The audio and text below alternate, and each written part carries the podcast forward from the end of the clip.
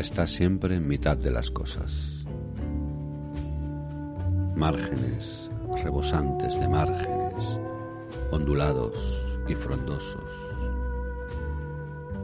Escucha. Ningún silencio hay sin historias. Conversar, hablar, habitar el destiempo. La lengua se enreda consigo misma. Cuerpo tambalea, los pies trastabillan. Qué bonita palabra, trastabillar. Tropezarse, caer. Todo se arremolina en espiral.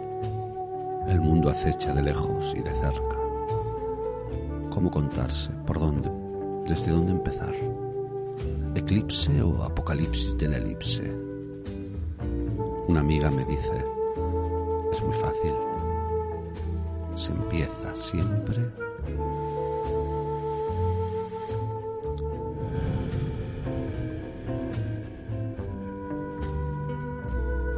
respirando.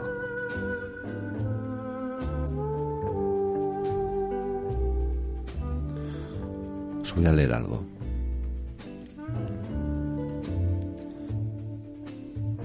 Si el arte es vida, debe parecerse a ella, a la vida que nos ocupa, la propia vida.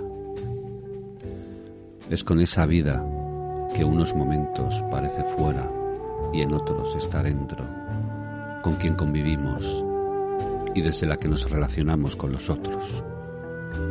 Los otros, quien soy yo, pero que están ocupando el espacio común que nos aísla y une.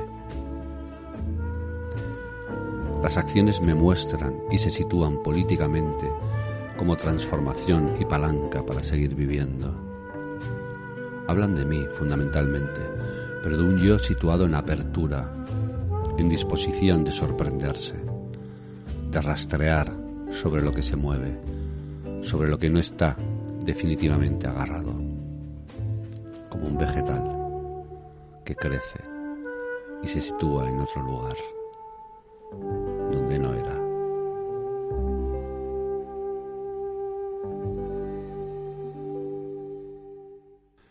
Lo que acabo de leer son dos fragmentos de un texto de Miguel Benyoc titulado Acción en el género. Os apunto un par de frases más que me son muy estimulantes. Dice, por ejemplo, mis acciones son apilamientos. Me encanta esta palabra, apilamientos, condensaciones, sumas de objetos que han sido vida, rastros de vida vivida que han hablado desde el cuerpo y que en su acumulación buscan nuevas acumulaciones para volver a comprender. Dice, no son identidad, sino desdibujamiento de ella. Apilamientos, condensaciones, sumas de objetos, rastros de vida, acumulaciones.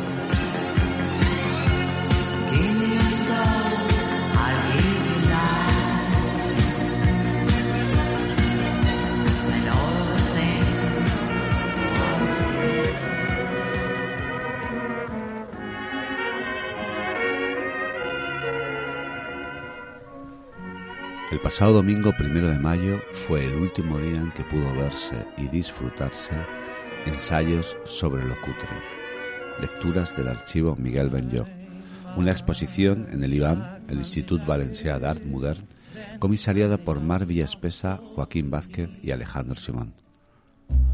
Hoy, en este primer episodio de Informe Infame, y esto de veras os digo que me, que me, que me llena de contento, abordaremos precisamente el trabajo de Miguel Benyoc, eh, artista, performancero, poeta, activista, disidente y un sinfín de cosas más. Eh, tanto Joaquín Vázquez como Marvi Espesa fueron no solo muy amigos de Miguel, sino que le acompañaron, hicieron, trabajaron conjuntamente y muy en compañía a través de BNV Producciones, que es una oficina de producción cultural eh, fundada en Granada en el año 88 por el propio Miguel, Joaquín Vázquez e Ignacio Sánchez Rico, y actualmente con sede en Sevilla. BNV fue una de las muchas cosas que Miguel impulsó o ayudó a impulsar. Leo, por ejemplo, la publicación que acompaña la expo y que os recomiendo vivamente, en un texto escrito por Joaquín Vázquez titulado Cuerpos vivos en acción, que Miguel fundó junto al propio Joaquín y a José Antonio Moreno, que era entonces párroco de San Ildefonso en Granada, el Frente de Liberación Gay de Granada. No es que la iglesia estuviera con nosotros, sino nosotros de pronto nos encontramos con una gente muy valiente que venía de, o sea, que José Antonio, ¿no? Y las comunidades de base, ¿no? Que tenían una actitud tolerante con respecto al tema. Y entonces nosotros tenemos como una esa dualidad de encontrarnos con que somos acogidos no, no porque pertenecemos a la iglesia, ¿no? Sino que utilizamos las instalaciones de una iglesia en concreto, pues para, para reunirnos, ¿no? Ya llevaba yo años, unos años en la parroquia, ya iba yo conociendo muchachos, ya se les veía a ellos cierta tendencia. Ellos dieron el paso de, decirme, mira cura, que me pasa esto. Y yo les decía, ah, pues muy bien, pues, pues, ya está, pues. Y claro, ellos eh, abrían unos ojos y decían, pero ¿esto qué es? Y total que ya fue tanta la confianza que adquirí con algunos que, llegó el momento de decir, no os preocupéis que a mí me pasa exactamente igual y lo estoy viviendo ya bien y a gusto. Y ahí fue ya donde comenzó todo. Entonces dijimos, ¿y vamos a estar tan solos? Pues ya hay tanta gente, pues si los vemos en las calles, los vemos a las dos de la mañana, que es nuestra hora. Y, y, y total que ya pues dimos el paso de empezar a reunir gente. ¿Y qué les proponíamos? Pues nada, especial. Eh, les propusimos, pues, oye, vamos a reunirnos, a hablar de nuestras cosas, de nuestras preocupaciones, de nuestros gustos y, sentirnos más a gusto y no tener que tapar la pluma el que la tenga. Yo creí que nunca he, he creído que nunca he tenido pluma. Y, pues, ni me he preocupado por saber si la tengo, ¿no? Así que si sale alguna hora, pues ustedes la pillan como puedan por el aire. Leo, por ejemplo, también en el texto de Mar Espesaz que se titula Mi querido Miguel eh, y que tiene forma de carta. Es un texto, una carta en la que Mar le hace saber a Miguel de las distintas andaduras que ha tenido el cuerpo de archivo de su trabajo, de sus imágenes y sus objetos desde que Miguel falleciera en el año 2018. Bueno, hay un momento en el que cita algo que Miguel dijo en la presentación de su libro Acaeció Granada, que os quiero leer. Dijo, me gusta buscar efectos en vivencias. Hoy hablaremos mucho de Miguel, de sus acciones, de su humor, de las luchas en las que participó, de su disidencia, y sondaremos también la noción de lo cutre, Tal y como enunciaba su título, el título de la exposición, esta no solo permitía acceder a distintas interlocuciones y lecturas del archivo Miguel Benyoc, eh, estoy pensando Equipo Re, Julio Jara, Guillermina Mongan, Álvaro Romero, María Salgado y Fran MM Cabeza de Vaca, a los que habría que añadir los textos en la publicación de María José Belbel, José Luis Ortiz Nuevo y Paula Pérez Rodríguez, como digo, la exposición no solo producía estas interlocuciones cruzadas y en diálogo con el trabajo de Miguel Benyoc, sino que permitía a su vez levantar cuestiones en torno a lo cutre, que es una palabra, una noción de una ambigüedad salvaje. Hablaremos de todo ello, de Miguel, de la expo, de lo cutre, extensamente, con Alejandro Simón, artista, investigador y profesor de Bellas Artes el único de los comisarios que no conoció personalmente a Miguel y cuya incorporación posibilitaba y suponía una nueva mirada y por tanto importante a su trabajo y archivo. La conversación la mantuvimos, eh, tuvo lugar en Valencia, en el barrio del Karma, un miércoles a finales de enero. Comenzó a primera hora de la tarde, ambos sentados a las puertas de la Mandrágora, una asociación cultural y gastronómica vegana en la que se come maravillosamente bien, y de ahí fuimos paseando, deambulando, atravesando calles y plazas del Karma, la ruta de las calles silenciosas, como decimos en algún momento de la conversación, hasta que se nos hizo la noche tomando cerveza en una terraza. Sin más demora, os dejo con la conversación. Bueno, señores, señoras, y demás familia del zoo hispánico y andaluz. y Godo y Ostrogodo. Eh, vamos a pasar a un minuto de descanso, un intermedio, pero antes una pausa publicitaria. Publicidad.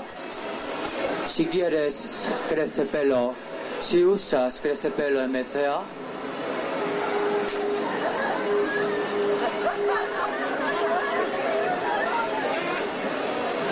como él, no hay nada. ¿Qué sería para ti lo cutre? ¿O por qué se te ocurrió, eh, cómo surgió el denominarle, llamarle a la expo ensayos sobre lo cutre? Lo cutre es una palabra que yo encontré un poco en, las, en los escritos de Miguel Benjoc, ¿no? La, o sea, no, no ha sido una mención tanto, tanto mía, sino como que ahí lo, lo he encontrado en él. Y la, y bueno, tiene una, un origen muy concreto que tiene que ver con un, con el, un evento en el que él participa ¿no? en la formación de ese evento que le hacía en la caseta del, del MC, del movimiento comunista de, en las fiestas del Corpus de Granada y que hacían un espectáculo que se llamaba el Cutre Show.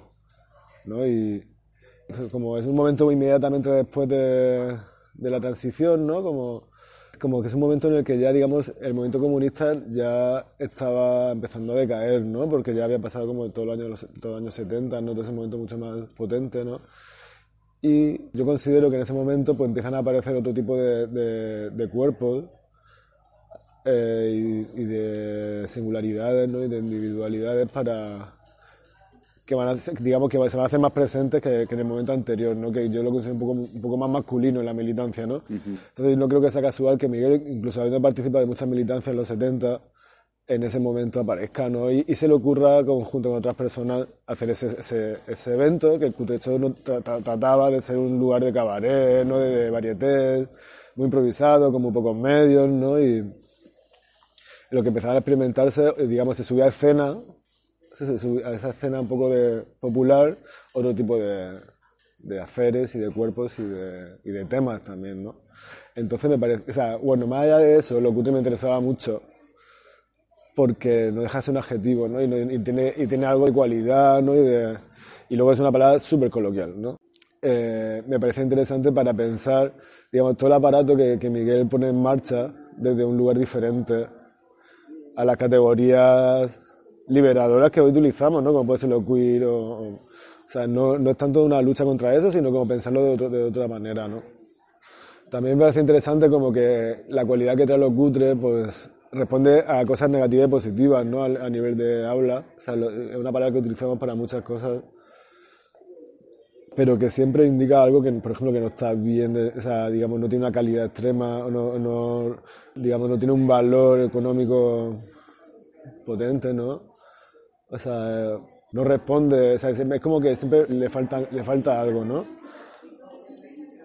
Y esa, esa cosa de faltarle algo me parece interesante, ¿no? Para pensar quizás esa, eh, lo que, el campo de operaciones de Benjong, ¿no? como una especie como de resistencia a la eficacia, o, bueno, ni siquiera resistencia, igual desviarse de la eficacia eh, sí, o, de la, sí, total. o, o sea, de la forma impecable. Claro, yo creo que o sea, las maneras o los haceres de Benjo yo creo que hacen eso, ¿no? Como que no, o sea, no trabajar hacia un lugar de profesionalización o de, o de o sea, o no responde a las lógicas disciplinares de, trabajo, ¿no? Como buscando una una erudición o una, un acabado impoluto, ¿no? Este tipo de, de, condiciones que el arte siempre va a tener, aunque no, aunque no lo pretenda. Eh, no que, o sea, como tú decías, que no creo que Miguel Benjoc estuviese resistiéndose a eso, sino que básicamente empezó a hacerlo así porque para él era una manera muy libre de hacerlo, ¿no? Con los medios que tenía a su alcance, con las, las preguntas que tenía en su, su, cuerpo y en su entorno, ¿no? Y con los, digamos, como, digamos, con las con los despertares políticos que le iba sucediendo a lo largo del tiempo, ¿no? Como que era, digamos, no, no se iba muy lejos, digamos, para poder, para trabajar sus cosas, ¿no? Tanto materialmente como conceptualmente, ¿no? Como que no solamente una idea. Pero, pero es muy interesante, digamos, la combinatoria que hace, los, digamos, la propuesta estética de Ben Jones con lo que está diciendo, ¿no? A mí me parece eso muy, muy, muy importante. Hay una cosa que me ha resultado muy curiosa y te comenté antes de la exposición y es que hay un acento importante en la cuestión lingüística, en la cuestión escritural, en la escritura entendida desde la poesía, pero también entendida casi como forma de, de activismo Y, y, en el texto que, que titulas también Ensayo sobre lo cutre, que, se encuentra en el catálogo, hay un momento que dices dejar de hablar o escribir con propiedad para hablar o escribir desde el común incierto. Así opera el lenguaje de Benyoc. ¿Qué sería esto del común incierto? Las formas unas formas como que son por un lado muy complejas pero a vez muy, muy, sencillas, ¿no? Sobre todo que hay una accesibilidad a esa forma en la que sí que entra esta invitación a que todo el mundo la puede hacer, ¿no? Son como materiales que todo el mundo tiene cerca.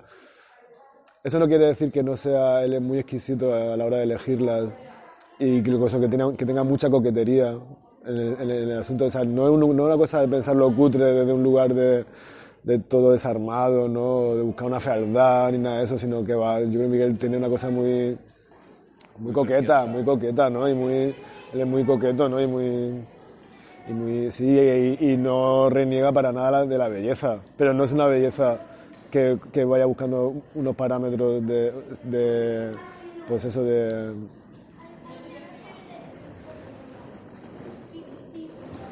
una excelencia, ¿no? O sea, una, una belleza que no busca una excelencia, ni busca una, un acabado impoluto, ¿no? Como, pero sí que está ahí, ¿no? Me gusta mucho esa frase porque, para mí personalmente, con mi trabajo en la universidad, y la tesis y bla, esto de hablar con propiedad, ¿no? Me parece como algo terrible, ¿no? Porque es como en plan de como apropiarte un poco de las palabras que, vale, que tiene una, parte en la que tú, en la que todos estaríamos de acuerdo, ¿no? Como que las palabras son importantes, ¿no? Y hacerte, hacerte con ellas, ¿no? Te da cierto, cierta cierta fuerza, ¿no? Para poder llevar, poder decir las cosas como tú consideras que las tienes que decir, ¿no? Pero el tema de la propiedad a mí me parece como que ahí había un problema, ¿no? O sea, como, ¿por qué hay que hablar, por qué tienes que apropiar, ¿no? De esas palabras, ¿no? ¿Por qué tienes que, es hablar siempre con la propiedad en la boca, ¿no? Y creo que Miguel precisamente lo desarma, ¿no? Porque siempre está hablando desde un común muy real, ¿no? O sea, él o sea, el archivo de Miguel o sus textos o sus vídeos están llenos de nombres de personas. O sea, él no deja, o sea, o se esfuerza mucho en no dejar a nadie atrás. Siempre cualquier colaboración, cualquier gesto que haya aparecido, cualquier persona ahí está nombrado, ¿no? O, sea, muchas, muchas de sus piezas son literalmente eh, relaciones, ¿no? Por ejemplo, en Inversión o en muchas de sus piezas que en las que él se va, o sea, lo llama él desprendimiento de ropa entonces esas prendas tienen, son regalos que, le han hecho sus amigos, ¿no? Y tienen nombres propios. O sea, también eso, ahí está la propiedad, ¿no? El nombre propio que nombra una persona, ¿no? Pero es diferente, ¿no? Al, o sea, digamos, el tener una, una subjetividad que te nombra a, a, apropiarte un poco de las palabras, ¿no? O sea, esta cosa así. Yo creo que Miguel, está, esa de las palabras de Miguel, él mantiene siempre un texto siempre muy tranquilo, ¿no? A la hora de escribir. Y no intenta, digamos, como, pues eso, como decir, esta es mi marca, ¿no? O este es mi concepto. Yo creo que lo cutre también me parece interesante por eso, porque lo cutre no, o sea, que yo haya dicho lo cutre aquí no quiere decir que sea mío, nadie lo entendería así, porque es una palabra bastante, eh, con muy pocas ganas de ser de, apropiársela, ¿no? sí, lo entiendo, sí, sí, claro, claro. Sí. O sea, no hay ningún, digamos, no hay ninguna artilugio, ni ningún acierto, ni ninguna cosa, yo no, pues, no, no lo veo ahí, no, no, lo entiendo desde ahí. Sí, no, como no hay ninguna intención como de de generar una categoría más. ni siquiera tiene, yo creo, creo como esa palabra no tiene como esa energía de querer eh, nombrar más cosas o, o, que, o, si tú la quieres utilizar para nombrar cosas, sabes que, que, te vas a meter un poco en problemas. Y eso es interesante, ¿no? Como que lo cutre. O sea, a mí me parece muy interesante, por ejemplo, pensar. Cuando yo puse ese título, decía, joder, cuando esto esté en la puerta de un museo, ¿no? Que es como lo contrario, ¿no? Son como una, una palabra que el museo va a querer repeler. O sea, nadie quiere hacer una exposición cutre, nadie quiere presentar una obra cutre, ¿no? Es como algo que, que es como lo, lo anti. Eh, académico, ¿no? Lo anti mundo del arte, ¿no? Volvemos un poco, a leemos un momento la frase otra vez, léela, léela otra vez. Dejar de hablar o escribir con propiedad para hablar o escribir desde el común incierto. Así ah. opera el lenguaje de Ben-Jock. Vale, o sea, no, quería recuperar un poco, o sea, quería como recuperar un poco esa cosa de la incertidumbre, ¿no? De, lo, de que es común incierto, porque yo creo que, o sea, yo creo que eso lo, lo escribí en referencia a esta cosa de, de que lo cutre eh, pues te trae problemas, ¿no? Lo que o sea, esa palabra te trae, eh, trae preguntas. Y, entonces, como que creo que, que, la incertidumbre es parte un poco de, de una, de una desidencia de, vida también de, de, las personas que toman el camino de la desidencia eh, eh, de género sexual o frente a la norma, ¿no? Entonces, la, mantenerte todo el rato en, en, la incertidumbre, mantenerte todo el rato en, las preguntas. O sea, él tiene una frase muy bonita que dice Está hablando de lo trans, decía, pues, pues en un momento en el que empieza a aterrizar mucho esos debates de la militancia de lo trans, no sé qué, de, todo ese tipo de teorías. Y entonces decía, bueno, soy trans en la medida en que puedo cuestionar mi vida como vida total. Así. Y esa me parece una frase lindísima que él tiene. Súper. Que no está diciendo que sea trans, o sea, o bueno, en algún momento quizás lo pudo decir, pero, pero lo más interesante es como que incluso en ese lugar de, de, de digamos, de, optar por otra identidad, optar por otro tipo de cuerpo, o sea, no entenderlo como una cosa totalizante, ¿no?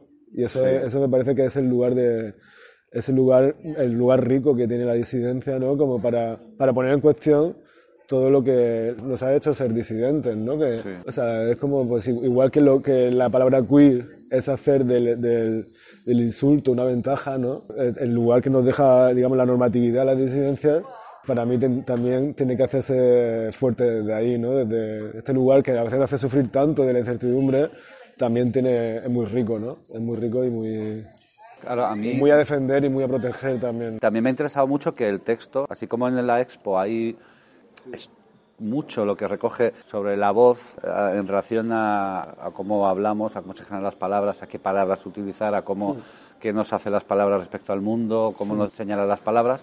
En el texto también lo, comienzas hablando de poesía y hablando de la poesía de Miguel en relación a una generación de poetas. Eh, y esto te quería preguntar por esta cuestión lingüística, porque me ha sorprendido cómo pensar lo cutre desde... Creo que lo primero que hice cuando, con, Miguel fue rehacer ese poema del, del Ciudadá. O sea, de, empezar, de entender ese vídeo del Ciudadá como un poema, lo primero, ¿no? O sea, yo estaba leyendo cosas de Miguel, estaba en un momento yo que me costaba mucho como, como volver a escribir, así, volver a pensar en escribir. Entonces me apetecía más como hacer, ¿no? Entonces, o sea, empecé a hacer eso bueno, yo creo que toda esta lógica así de la escritura, yo no, o sea, de pensar el lenguaje y tal, tiene que ver con mi participación en Huraca, con todas mis amigas poetas, que son, ellas sí son poetas, yo no soy poeta, o sea, pero, bueno, si soy poeta, soy otro poeta de, otro lado, pero ellos escriben poesía, escriben sus libros, ¿no? Y, recitan y se dedican a esto, ¿no? Pero, y bueno, y eso puede ser, podría ser, haber sido un ejercicio de Huraca, ¿no? Como transcribir un poema, intentar traerlo a, a otra, a otra era, ¿no? A otro momento. Y fue cuando también empecé a preguntarme todas estas cosas que escribo en el texto de, qué pasaba con yo al escribir esto, los problemas que me traía, pensar los problemas que tuvo Benjo cuando escribió eso, ¿no? Cuando...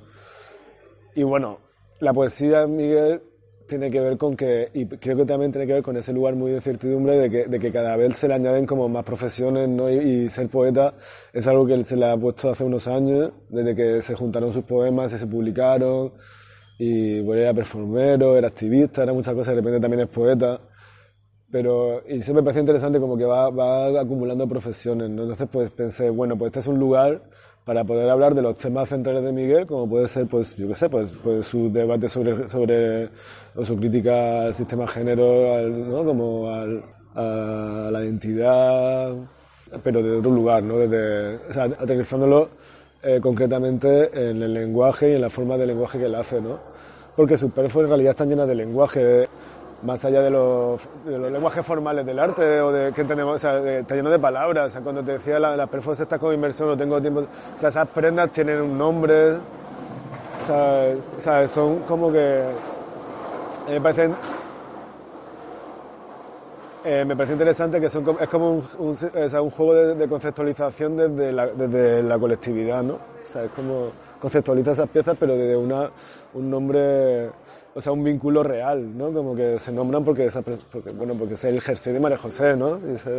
Y, y no deja de nombrarse así, es la pieza, ¿no? Y eso, y bueno, el lenguaje aparece en Miguel de muchas maneras. Entonces, o sea, cuando la primera acercamiento que tengo al Miguel Poeta, pues es un libro de cuerpo conjugado que reúne una poesía primera suya del año 70, que pues, era muy chavalín, era estudiante, y una, un trabajo poético posterior que son los epigramas, que son conocidos suyos como un trabajo más materialista, material así con el, con el lenguaje, ¿no? Y, y a mí me parece que en medio estaba este tipo de cosas, ¿no? Pues estaba pensar el ciudadano como un recital, ¿no? Como es una, vale, es una perfo porque después, en ese momento no lo hubiese llamado perfo, o, sí, yo creo que lo hubiese llamado show, ¿no? Lo sí, eso, yo, yo, lo veía muy en el lado... Vamos a recoger, ¿vale? Lo digo porque vamos a entrar las sillas y la mesa. Vale. Ah, ¿Vais a cerrar? Sí. Ah, ok, vale, pues... ¿Paramos esto? Sí, paramos esto.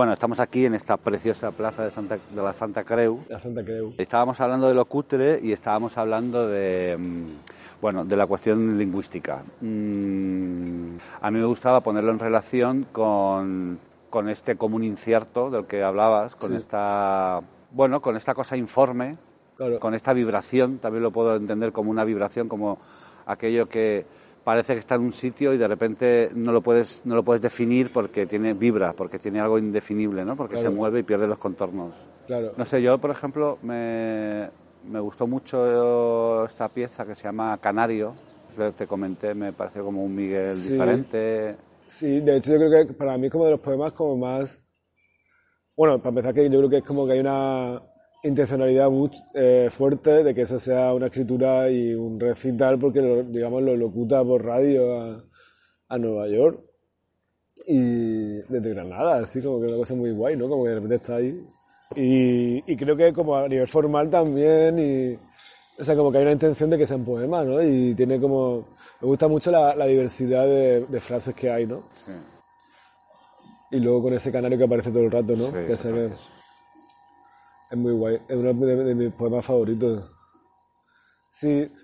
O sea, hay una, una cosa como, pues esto que te decía de que se le añaden profesiones con el tiempo y, y que yo no sé, si- o sea, que, que yo me haya detenido en la escritura, creo que ha sido una, una vía a través del hacer que yo he encontrado para acercarme a, a Miguel.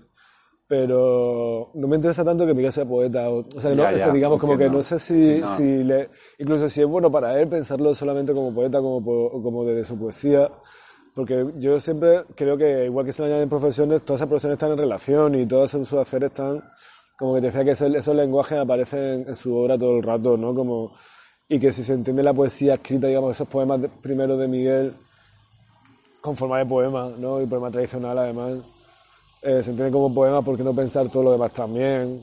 Pero bueno, es una de las vías más, igual que, pues, igual que no hemos puesto estas gafas del arte y todo lo vemos desde ahí, ¿no? Pues, pues, pues la poesía también, y eso, eso es una de las vías, pero no, no sé si, si yo profundiza tanto en eso en el texto. Yo Ya. creo que sido una, más, una, una manera de entrar. Una manera de entrar. Eh, de hecho, por ejemplo, el poema de Canario para mí es, es como el, uno el poema de Miguel como más eh, cerrado, elaborado y, más entre- o sea, interesante de pensar, porque combina muchas cosas, ¿no?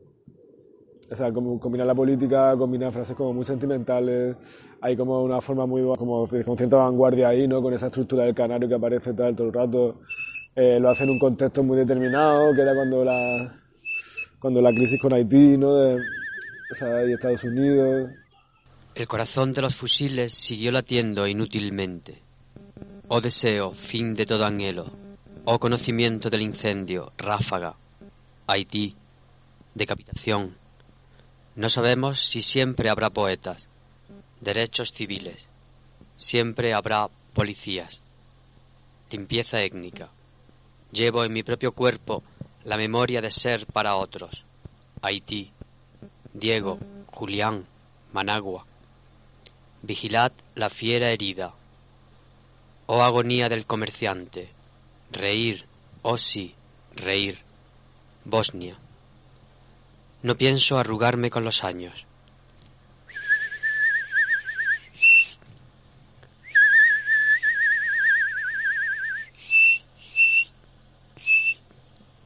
Oh agonía del comerciado. Haití. No pienso arrugarme con los años. Nada me turba, nada me espanta. Somalia, Kurdistán, Azerbaiyán. Creo que ser inocentes es ser curiosos. Nadie conoce la magnitud de la tragedia. Constructores de olvido, destructores, Haití, violación, Estado, Isla Granada. Que seas bueno. ¿Jugaba el apóstol San Pablo en la bolsa?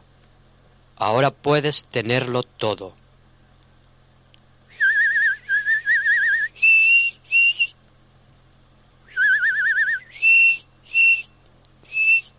Oh, ojo, en la cama vacía. Dibujemos culpables, a la vez que anunciamos la inocencia de luchar contra ellos. Haití ha sido con armas convencionales. Nadie conoce la magnitud de la tragedia. Oh mentira que me inventas. Gaza, guillotina, cámara de gas, horca. no hay duda de que la esfera siempre ha estado imbuida de connotaciones espirituales. También la relación entre terrorismo y terrorismo de Estado.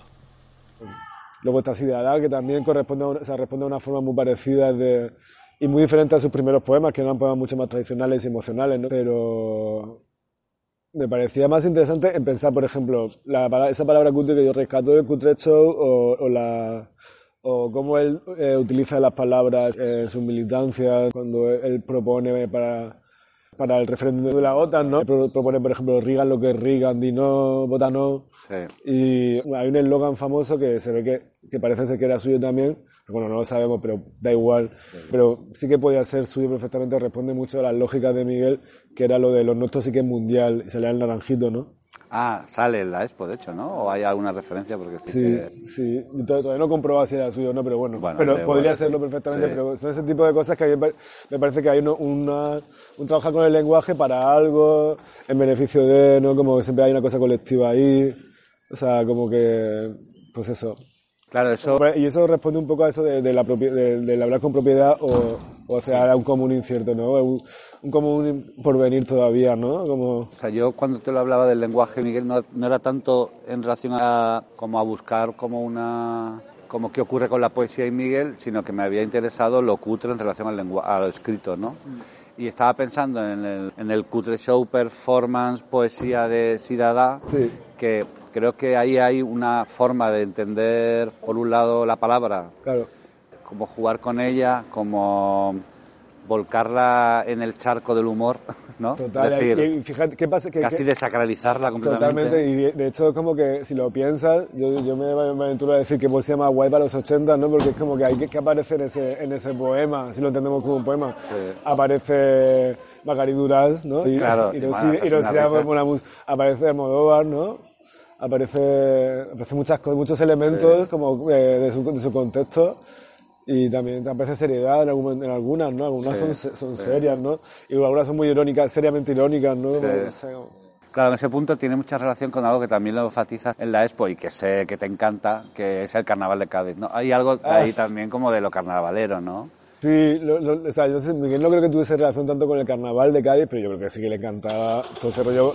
O sea, hay una cosa con el, con la construcción de personajes que él tiene, que yo no lo llamaría disfraz, porque yo creo que tiene que ver mucho como él era y como él se está reinventando todo el rato. Entonces, yo creo que sí, podría tener relación con el carnaval de, con el carnaval en general o el de Cádiz, en esa de, de, probar eh, los personajes, pero en cuestión de experimentar con tu personalidad, experimentar con tu subjetividad, ¿no? O sea, no tanto como este disfraz que te pones momentáneamente, No, usar, no, sino claro, como sí, como del, bueno, lo que en Cádiz se le llama el mamarracho, de que no, nunca suelen, que no es un disfraz definido, siempre, sino que es eso, con ese- con- a veces un remiendo de cuatro disfraces diferentes. Sí, pero, pero claro, Miguel lo, lo todos los amigos lo dicen, ¿no? Y sus compañeros de MNV que estaba en la oficina, estaba todo el rato como, como ese día pues se movía una cosa y la liaba ahí, estaba...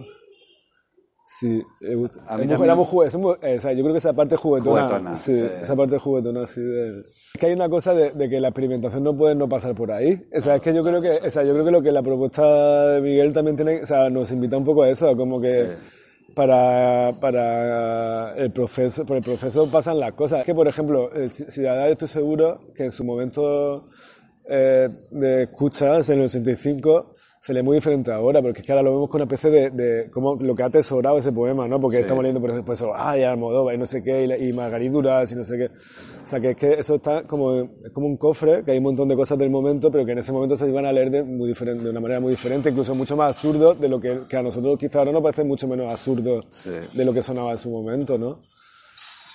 Pero creo que esa es su potencia. O sea, la, la, lo que hablábamos el otro día de... O sea, hay, lo que provoca todos esos haceres de Ben Jock es como...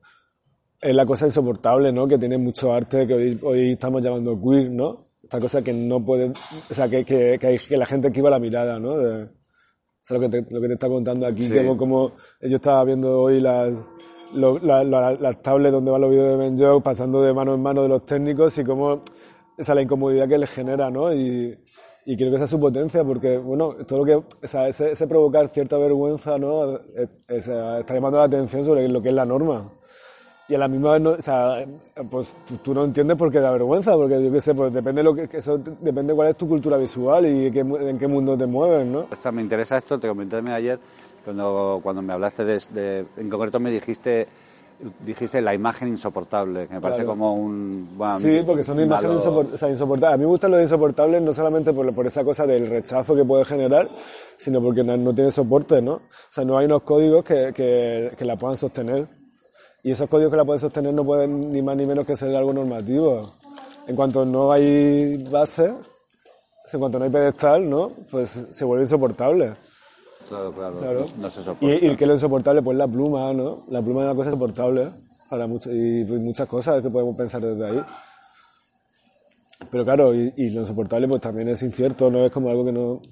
En relación a la, a la imagen insoportable, también ayer hubo otro momento que la describiste o describiste esa cuestión de lo insoportable de tal modo que yo tuve que generó una imagen en mí que tenía que ver con, con, con una tela que se desilvana. Sí, que, te- Con- sí, que se te escapa. que se te escapa, con algo que tú aparentemente consigues sostener por un lado, pero como por el otro no tiene agarre, No, solo dura claro. un momento. ¿no? Total, y que sea como algo que se cae porque no tiene, una- no tiene un apoyo, no tiene una apoyatura, no, no tiene un soporte. O sea, a mí eso me- esa imagen me, me gusta mucho. Estoy seguro que alguien habla de esto en algún momento, ¿no? Porque me parece una- un lugar muy, muy facilón. Sí. A mí, me, a mí yo no sé cómo llegué ahí, no, no lo he teorizado. Esto fue una, una conversación el otro día, así de que no, no tengo más reflexiones que esas de...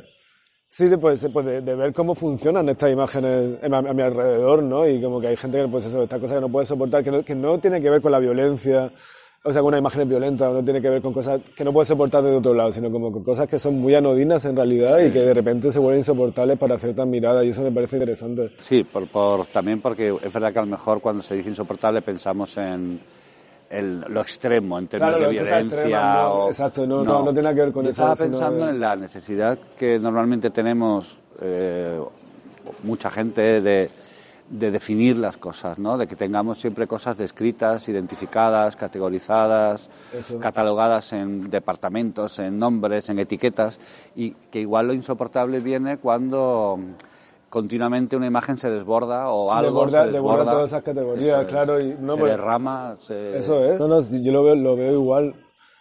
De hecho, yo creo que casi los tra- trabajos como el, de, como el de, el de Miguel y muchos más, pues eso, mucho de lo que hoy podemos estar llamando queer, trabajan en ese sentido por ampliar ese margen Yo- y además lo ves alrededor, ¿sabes? Como que, o sea, cuán- el nivel de tolerancia que hay a la- de, de ciertas miradas, ¿no? Yo lo he visto incluso en la, en la universidad con, con el, profesorado, cómo han, han ido poco a poco tolerando cierto tipo de trabajos, de cuando yo era alumno ahora, o sea, como la sociedad va cambiando poco a poco, y, pero siempre está conteniendo esa cosa insoportable, siempre lo está intentando contener. O sea, como que hay una cosa de, por ejemplo, pues eso, llamar a una cosa cutre, o sea, se podía, por ejemplo, en la universidad enseñar un- cómo se hace arte cutre, o sea, es que no se puede, ¿no? No se, es lo contrario. Es lo contrario, Es lo contrario a la academia, ¿no? Es lo contrario al museo, es lo contrario. Sí, No se puede enseñar a ser el contrario de uno mismo, claro. Exacto, y a lo que tiende la educación, a lo que tiende la teorización, lo que tiende es eh, a buscar maneras de controlar esos flujos de, de hacer, esos flujos de sentido. Entonces, estos trabajos siempre van a estar. Por eso para mí fue necesario encontrar una vía, de, como por ejemplo a través del lenguaje o a través de tal, porque si no acabas en el lugar del cajón, de lo queer o de. ¿Sabes? Que, que no estoy en contra de. de- No, no, que claro, no es una cosa de estar en contra de ese término, sino de, de no limitar a, a- a Miguel, ¿no? De no, de no solucionarlo, ¿no? Como de no, de no de- darle un resultado, ¿no? Y una conclusión, sino como abrir una vía más, ¿no? Y yo creo que con esa- esas imágenes soportables nos, nos, nos ayudan y nos ofrecen ese, ese tipo de aprendizaje. O sea, si, si, eres, si eres capaz de, de, de, de, vivir desde ahí, ¿no? Yo creo que, pues, bueno, pues lo, que- lo, que, lo que vivimos de, cierta manera, pues nos, nos apasiona este tipo de imágenes, ¿no? Claro. Nos, nos, nos apasionan porque, porque nos, nos apelan mucho, ¿no? Claro, tú antes has hablado, has hablado de la pluma. la pluma es, es, en concreto una metáfora visual, estoy pensando, que, que utiliza Miguel, desde el canario hasta las plumas de pavo real. O sea, hay como una presencia. Claro, la pluma es otro de esos elementos insoportables, ¿no? Claro que lo es. O sea, sigue siéndolo, ¿no? Es algo como a, a invisibilizar todo el rato, ¿no? Pero bueno, porque yo creo que siempre, pues la pluma siempre va a responder a toda la, a toda la parte femenina de este mundo, ¿no? Y toda la parte, a lo que se considera desde la normatividad femenina, ¿no? Como Sí. que, O sea, y... O también como una idea de lo pasivo, como una Exacto, idea de... como lo de no... Y, y, y da miedo, de un modo. Claro, y la pluma, no sé, yo me acuerdo con un amigo, por ejemplo, pensando en lo de Samuel, de este caso que causó conmoción en todo el mundo. Y se trata del asesinato de Samuel Luis. El joven asesinado al grito de maricón, según los testigos. Hoy sabemos además que fue apaleado por una turba durante un recorrido mortal en el que trató de huir sin ninguna posibilidad de escapar. Da escalofríos el relato que vamos conociendo de sus últimos minutos de vida.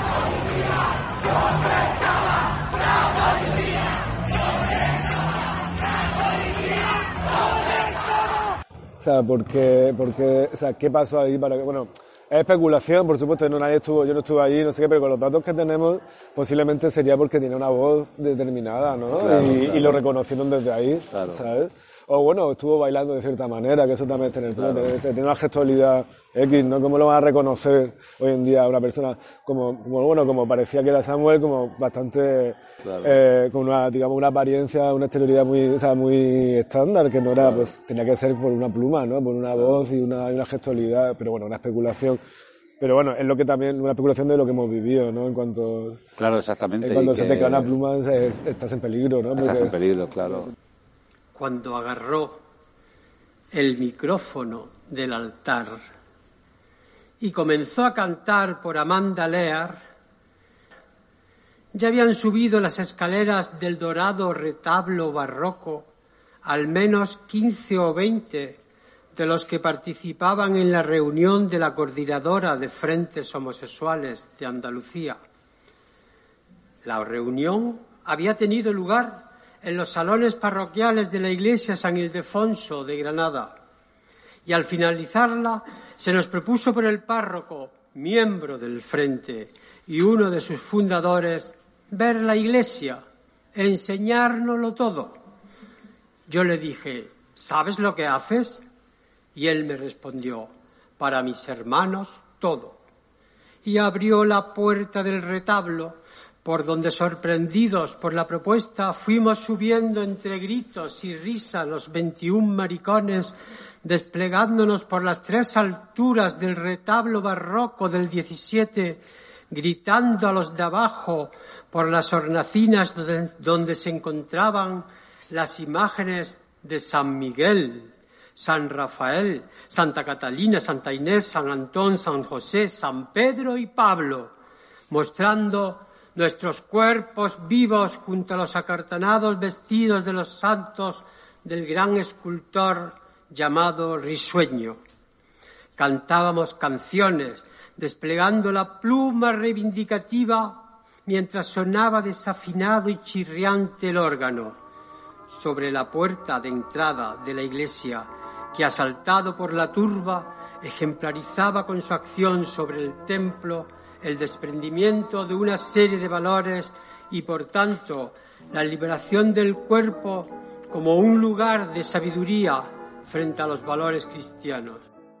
Claro, pero ahí donde, ahí donde vamos con el tema de, de lo insoportable. O sea, como que todo el rato hay, una, eh, hay una, una energía que quiere contener todas esas imágenes insoportables porque, porque, porque produce incom- incomodidad, produce mucha, mucha, ciertas emociones, vergüenza, produce odio, produce en lo que es la normatividad, ¿no? Y, sí. A mí me gusta pensarlo desde ahí, no solamente en la, en la cosa más de la recepción y las emociones que pueden generar, sino con esta cosa de pensar en qué es el soporte, ¿no? ¿Qué es, el, qué es, lo, que se, qué so- qué es lo que soportas, ¿no? O sea, qué es lo que tú soportas y qué hace que para que el otro no se pueda soportar, ¿no? Que, cuáles son esas bases, cuáles son esos...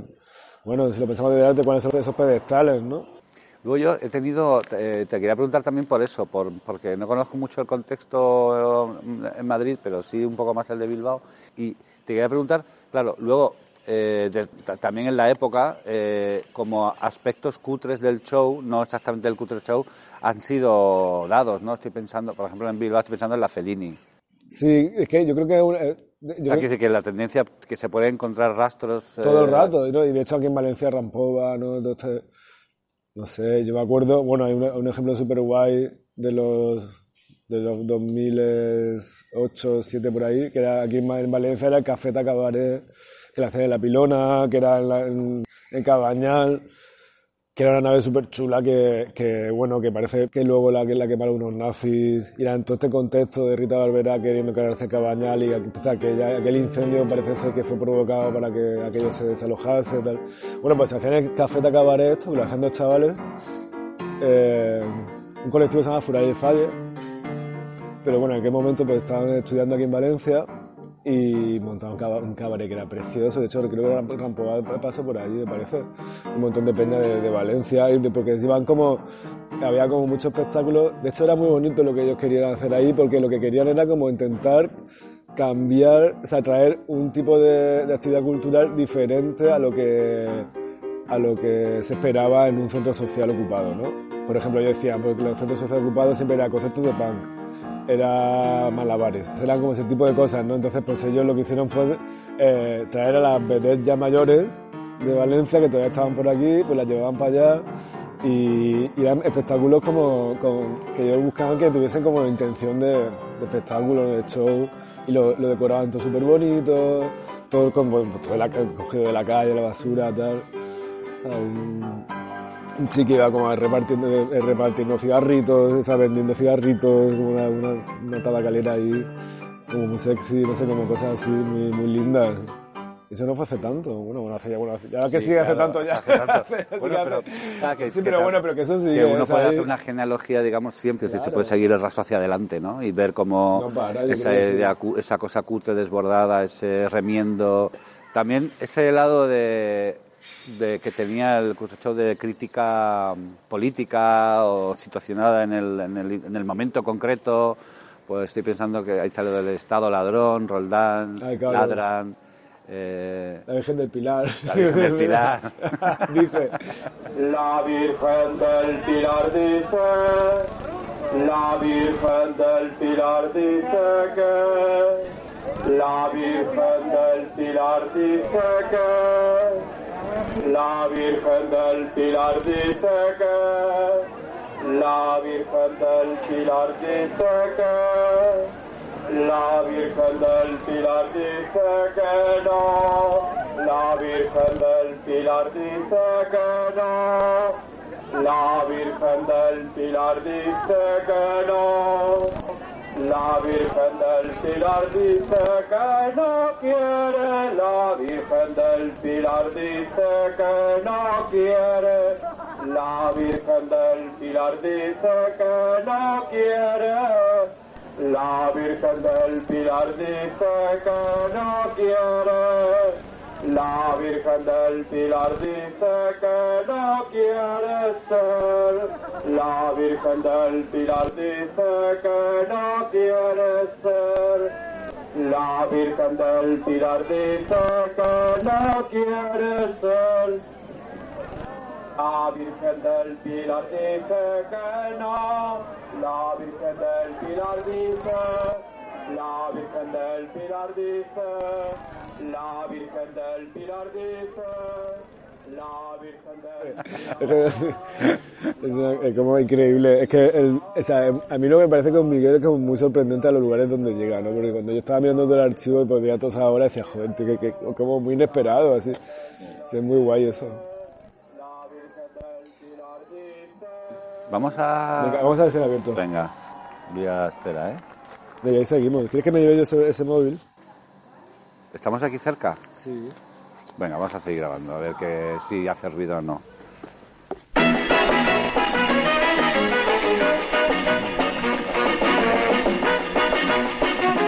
Ahora, ahora que no nos escucha.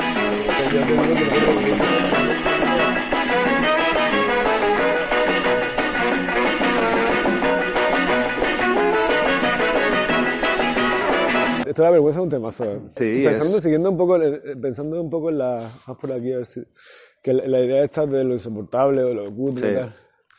Ah, Para mí también era muy interesante porque yo decía, claro, Miguel había sido, o sea, incluso dentro del ámbito artístico, como cultural, como lo quieras llamar, eh, cobra mucha más legitimación, que tampoco es que digamos que, así- que haya sido un trabajo súper apoyado, ha tenido un apoyo así, sobre todo ya cuando él iba, estaba ya muy malito, y está muy enfermo, pues sus amigos sí que le, le hacen esa retrospectiva, ¿no? De cuerpo conjugado, tal. Pero digamos que esta es la, pri- la primera exposición que se hace a Miguel más, allá de ese homenaje. Ese, bueno, ese homenaje, de esa retrospectiva se fue a tres lugares, ¿no? A, eh, Sevilla, Madrid, Granada. Y bueno, y antes el equipo, por ejemplo, equipo Re, no sé qué, como que sí que había tenido un apoyo, de- pero siempre desde la comunidad, ¿no? Pero no tampoco un reconocimiento así tan como otros Tan- artistas, tan ¿no? Como- como sí, yo creo que no. Y la, pero entonces lo que, lo que donde quería llegar con esto es como que creo que el lugar más legitimador al trabajo de Miguel siempre van a ser las luchas, ¿no? Pues haber participado de la de la organización de la Frente de Liberaciones en Estadio en Andalucía, ¿no? el, el- MC, ¿no? el movimiento comunista, eh, la lucha anti-OTAN, ¿no? De- pero bueno, de hecho, por ejemplo, un efecto legitimador así es la, militancia. Y encima de esa militancia siempre, eh, por la recuperación archivera de los últimos años, o sea, se le considera mucho de, de ese, de ese lugar de los Frente de Liberación Homosexual. Pero en realidad su militancia más potente yo creo que es la, eh, del movimiento anti-OTAN, ¿no? Con, o la participación en el MC, ¿no? Y entonces como, a ver, también veo un poco, incluso un poco de, ¿por qué lo recuperan tanto desde ahí, de, de su lugar de lucha LGTB, digamos? Sí, más identitaria quizás. ¿Y qué pasa? Que luego una, una persona así no, no puede participar de las otras luchas anticapitalistas, ¿sabes? Que es como cuando realmente fue donde más horas invirtió de su vida. Bueno, le costó el curro en Granada, cuando estuvo ahí una especie de, de, de trabajador cultural en el ayuntamiento y, Y su, su, lo echaron por su posición en contra de la entrada en la OTAN le fue Sí. la causa de que le echaran. Sí, joder, pues yo, de hecho no sé, es que no, no me acuerdo cómo era la movida, pero que lo, lo, lo acusaban de haber, de haber enaltecido el terrorismo, no sé qué, unas cosas así. No quiero decir mal, tío, pero era como Sí, así, sí, de apoyo, sí, de apoyo sí. a Ribatasuna, una cosa así. Sí, sí. Que le costó el curro.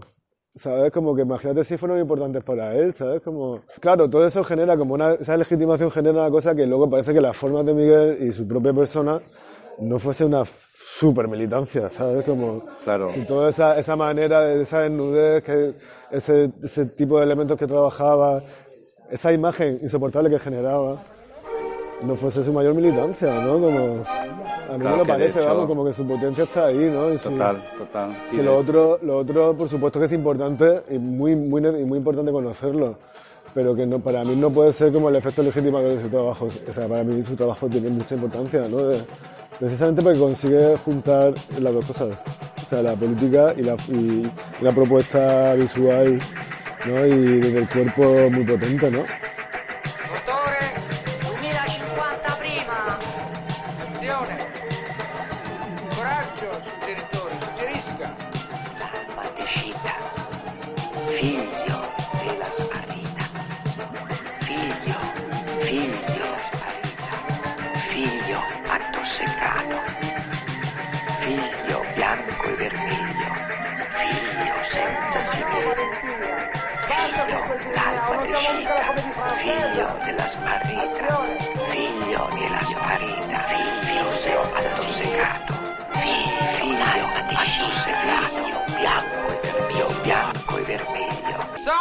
Sonia, ricordati che sei ai piedi di Cristo!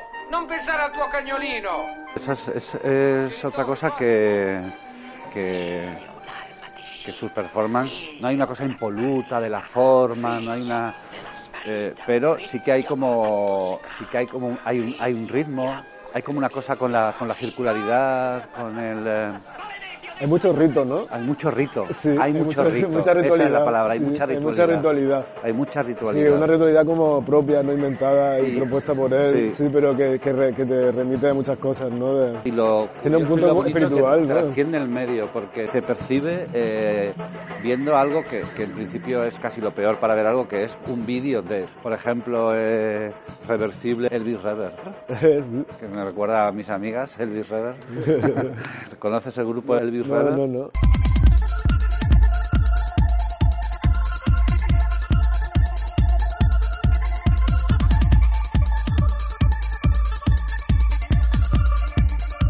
El nombre viene de, de reversible al revés y, y nada, se nos ocurrió un día en el metro porque teníamos mogollón de ganas de montar un grupo de música y nada, y lo primero que tuvimos fue el nombre y súper contentas con el nombre, en plan, Buah, este nombre... Tenemos una chuleta por ahí, pero...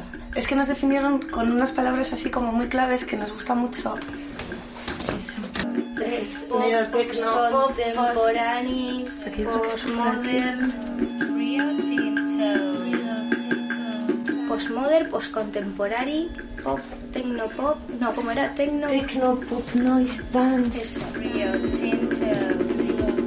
Neotecno, postmodern, dance, noise, post, contemporary, pop. No está nada definido, o sea, ni, ni el tipo de música que hacemos, ni, ni la Ni actitud, la actitud. tampoco. No, no puede estar definido.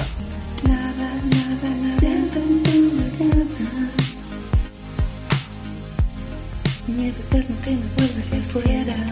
Nada, nada, nada, nada.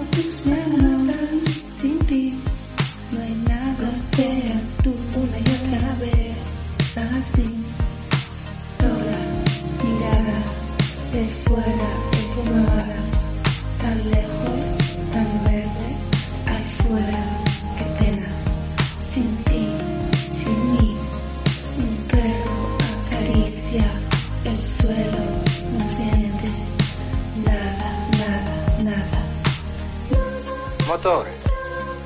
2150 prima. Azione. Perché sono così contento? Perché sei nano! E perché che vuol dire che sono nano? Vuol dire che ci sei. Eh, figlio mio, noi siamo in un sogno dentro un sogno. Cosa senti dentro di te? Concentrati bene. Cosa senti? Eh? Sì, sì, si sente per cosa che c'è. Quella è la verità. No, shh. non bisogna nominarla, perché appena la nomini non c'è più. Se llama así, Elvis Redder. Muchas gracias. Y al mismo tiempo está esa seriedad, pero al mismo tiempo esa seriedad te- es, es tan- es tan- es una seriedad que te da, da lugar a la trascendencia y da lugar al humor. Incluso, incluso cuando Miguel quiere ser muy cachondo, así en el Superford, él mantiene una presencia muy solemne, así de como corporal, ¿no? Es una, una, una Sí. cara y tal. Pero claro, todos los elementos que está pro- proponiendo son súper cachondos y súper... Sí. Y luego como que o sea, lo, lo, lo interesante también es como eh, que su trabajo con el cuerpo eh, no viene de, de- de ninguna disciplina, ¿no? Como que no es un grupo disciplinado, por eso que tú decías antes cuando veías la, la perfo de reversible, que hay momentos que se marea, ¿no? Como que, se- que todo el rato está, es- muestra esa, una cosa frágil, Sí, o sea, total. porque, porque no está disciplinado para, digamos, como no son estos performers de que se están entrenando para poder hacer una resistencia de horas dando vueltas, Sí. o, o lo tienen todo súper eh, controlado para que los pasos que dé, los movimientos que dé, se muestren como ellos quieren que se muestre, sino que el cuerpo está un poco más, a- es más un cuerpo más vulnerable, ¿no? Para, Sí. o sea, para la mirada, ¿no? De- y eso es, muy- eso es lo que hace que también sea muy, muy potente, ¿no? Tú la- lo, hola. Tú lo, lo, lo primero que lo primero que recuerdas de él, de trabajo, de cómo. Yo creo que fue el Sidada, lo primero que conocí. Sidada. O sea, yo, a ver, yo, yo la verdad que la- lo primero que conocí fue a, Ma- los textos de Marvilla Espesa, por el texto de, el texto de síndrome de mayoría absoluta. Entonces, a partir de eso encontré como BNV y, fue una primera cosa con lo andaluz. Que te enca- que- Pero-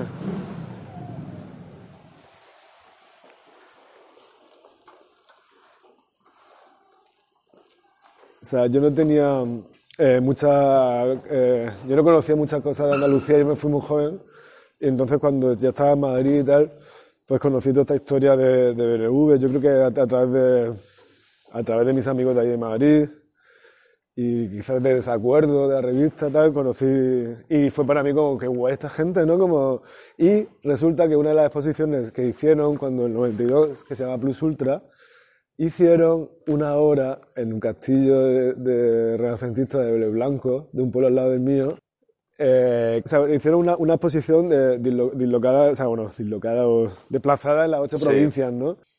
Las ocho provincias andaluzas. Y en Almería tocó en ese pueblo, hicieron una, una obra que era, o sea, eh, la artista, ay, se me olvidó su nombre, esta mujer. Bueno, pues re- eh, proyectaba el patio renacentista que está ahora mismo en el MoMA, o sea, en el, en el Metropolitan de. Nueva York. Y entonces lo que hizo fue fotografiarlo y proyectarlo al atardecer. Entonces, que entonces durante un día apareció así el, el patio. Bueno, entonces yo estuve en ese pueblo de pequeño y me contaban los paisanos esa historia. Tú sin saber que era... Que era... Yo, pues yo tendría nueve años, Claro. por ahí, y yo creo que fue la primera vez que yo escuché en mi vida arte contemporáneo. Ah, qué bueno. Claro, porque yo no sabía, ni siquiera sabía que eso era arte contemporáneo, pero era algo muy raro. Claro. Como que había venido un artista que proyectaba aquello en aquel sitio. ¿Sabes? Era una cosa muy rara para mí. Y, y recuerdo mucho el relato. Y de repente, cuando descubrí que encima era esto, dije, hostia, qué fuerte. Qué, Claro. qué historias locas. Porque fue una historia que a mí me marcó mucho. Un círculo bendito. Cuando las cosas hecho, circulan así, mm, producen Claro, yo tenía ni idea de, escapada. esa- de ese momento, así de que ese patio era un patio renacentista estos muy bonitos. Y entonces, pues los americanos lo compraron.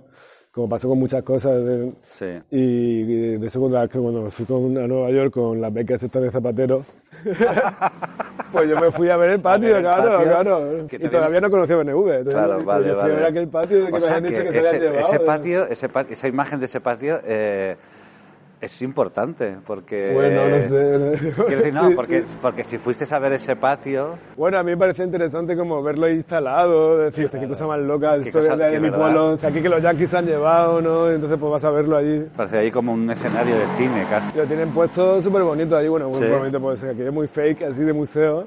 Sí, sí, pero como sin, sin el aura. Hombre, sin el castillo entero, Y se al habían llevado los arcos. si al menos tuviera el Claro, se aura. llevado los arcos y, el, y la ventana, tío. Sí, pero era, era- era muy guapo, eh, un, renacimiento, un, arte renacentista así bien guapo. Bueno, pues esa historia es loca de BNV, así, pero bueno, entonces yo encontré todo, esa- todo ese trabajo de BNV y, lo- y los textos de Mar, que me pareció como muy chulo, los 80, o sea, diciendo eso que decía, ¿no? En, en síndrome de mayoría absoluta, ¿no?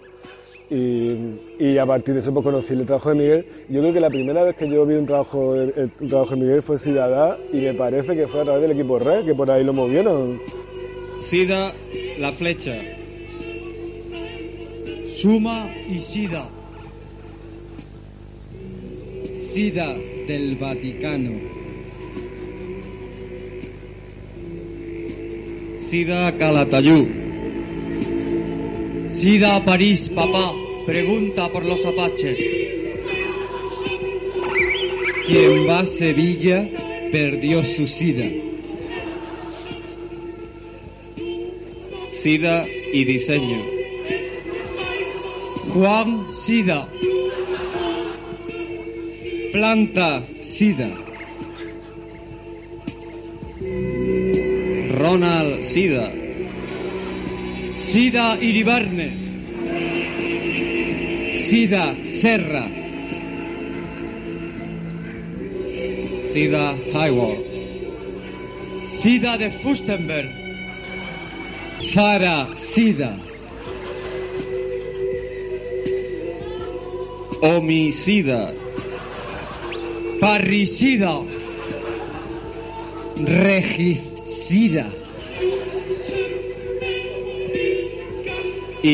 Monamur.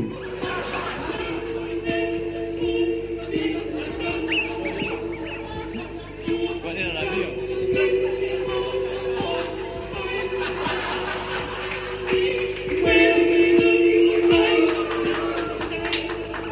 Roma, sida aperta.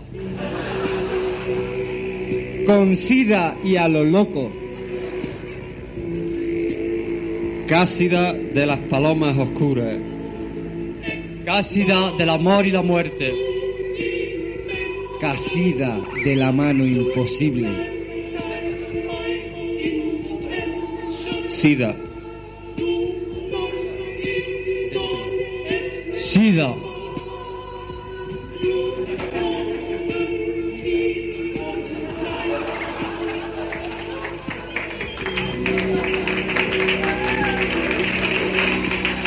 Luego, estos últimos años así, pues, eh, mi compi de piso compró Cuerpo Conjugado y yo me leí los poemas. Y él todavía vivía, me parece. Y, entonces cuando murió, yo participaba de, de una cosa que en el Reina, que es el Jardín de las Mixturas, y entonces querían plantar algo cuando murió en el jardín, y yo propuse que fuera un granado. Ah, qué guay. Sí, ese fue mi, esos son mis únicos vínculos que tengo con Miguel. así Qué bonito. O sea, yo no le conocí ni, y, no, y de- realmente no sabía tanto, de él. o sea, como que sabía cosas, pero no... claro. O sea, no, ahora era- con la exposición y... Era casi, era más como una curiosidad, ¿no? Que, que me, yo me siento muy raro porque es como que la, que la gente lo conocía mucho y conocía mucho su trabajo y... O sea, que es como, yo realmente es como, acabo de llegar a esto. O sea, como que hay una cosa de familia que ha generado Sí. Miguel alrededor Sí. y yo acabo de aterrizar en ella, así de- Pues a ver si está abierto y tomamos una cerveza, ¿no? ¿Tú piensas que hay algo sureño en todo su trabajo? Como de- hay algo de sur ahí. Yo creo que sí. No, hay un poco de la guasa, ¿no? Sí, Así eso de- es que te- por eso te decía antes lo del... Lo carnavalero, Te hablaba ¿no? del carnavalero, te hablaba del humor y por eso también te he contado lo mío, porque de repente... Como esta cosa del desenfado, así también, ¿no? De- No, no, y que es un humor muy lingüístico. Lo que pasa es que a veces son juegos de palabras muy chorras. Entonces pues no, produ- no producen risa, pero yo, yo siempre digo, yo bueno, igual no hace gracia ahora, esta no. Pero la que voy a decir dentro de tres intentos, seguro que te hace gracia. Y para las ¿Cómo tres- se llama este hombre? Este hombre que ahora se reivindica mucho porque hay, bueno, ahora mismo en Andalucía hay una reivindicación brutal de la lengua, o sea, del, del habla, de la lengua, del acento, de tal. Y, y entonces decía un profesor así que era muy, muy lingüista, que es profesor de, de instituto, pero bueno, que lo sacaron en la tele y tal, que es un vídeo que, que ha circulado mucho, que hablaba de, por ejemplo, de, de- de la economía del lenguaje andaluz, de cómo decían, de- él decía, no, o sea, en realidad el andaluz se come palabras porque habla mucho, entonces lo que intenta es decir lo, más- Decirlo, en lo máximo en el, en en el- el- tiempo más corto, ¿no? Y decía, y entonces llega a lugares de, de invención de lengua muy interesantes, como por ejemplo las tres negaciones del no Ah, ¿no? total, Como claro, claro. no ni na es una cosa como una invención súper Claro, chula, claro, ¿no? De- claro, claro, el no ni nada. pero era- me hacía gracia eso, ¿no? Como, como que hay algo, como con, lo- con esa, esa que tú decías que era un humor un poco tonto, pero yo creo que tiene que ver con una práctica totalmente. ¿no? O sea, es- pues- que yo no lo leo como un humor tonto, sino Claro, como, tampoco, como, no- como no- un ejercicio todo el rato de Claro, habla. de- Exactamente, que entonces pues da lugar a muchos momentos que dices, uy, pues esta no ha sido tan graciosa, pero da igual, tú sigues. Pero ahí lo que me, la conexión que me resulta interesante es que es una, o sea, que no es tanto gestual, no es un humor gestual, como que hay una cosa lingüística, de Claro. construcción de sentido, Sí. distorsionando completamente algo que parece mm, palabras incluso muy sencillas, ¿no? Sí, no, el lenguaje para él era algo importante, ¿no? Y eso es, para mí es obvio. O sea, como que no es... A la misma vez tampoco es como digas, es un trabajador del lenguaje. ¿sabes? No, no, no, ¿sabes? claro, Como claro, que eso no, es lo no. guay de él, ¿no? Como que tener... Claro, claro, no. Estamos andando así al... Pues yo por la calle silenciosa. Sí, sí. La ruta de las calles silenciosas.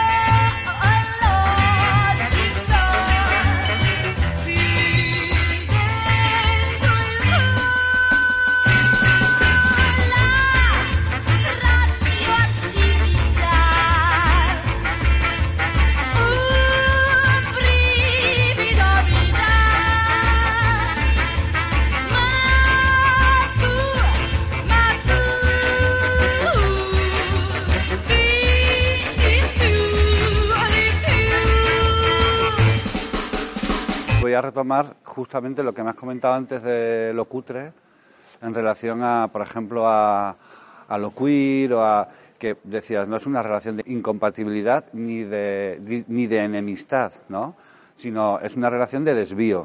Bueno, Es lo decir, primero que le pasa a los queer es que es, un- es de otro idioma, ¿no? Entonces, claro, yo siempre pienso, o sea, yo Ah, eso en Valencia, hace unos años vine a una- unas charlas que, que nos invi- me invitaron en- aquí en el Iván y conocí la expareja de un amigo que era, era mayor y era de Estados Unidos y él vivió en los 70 en, Nueva York.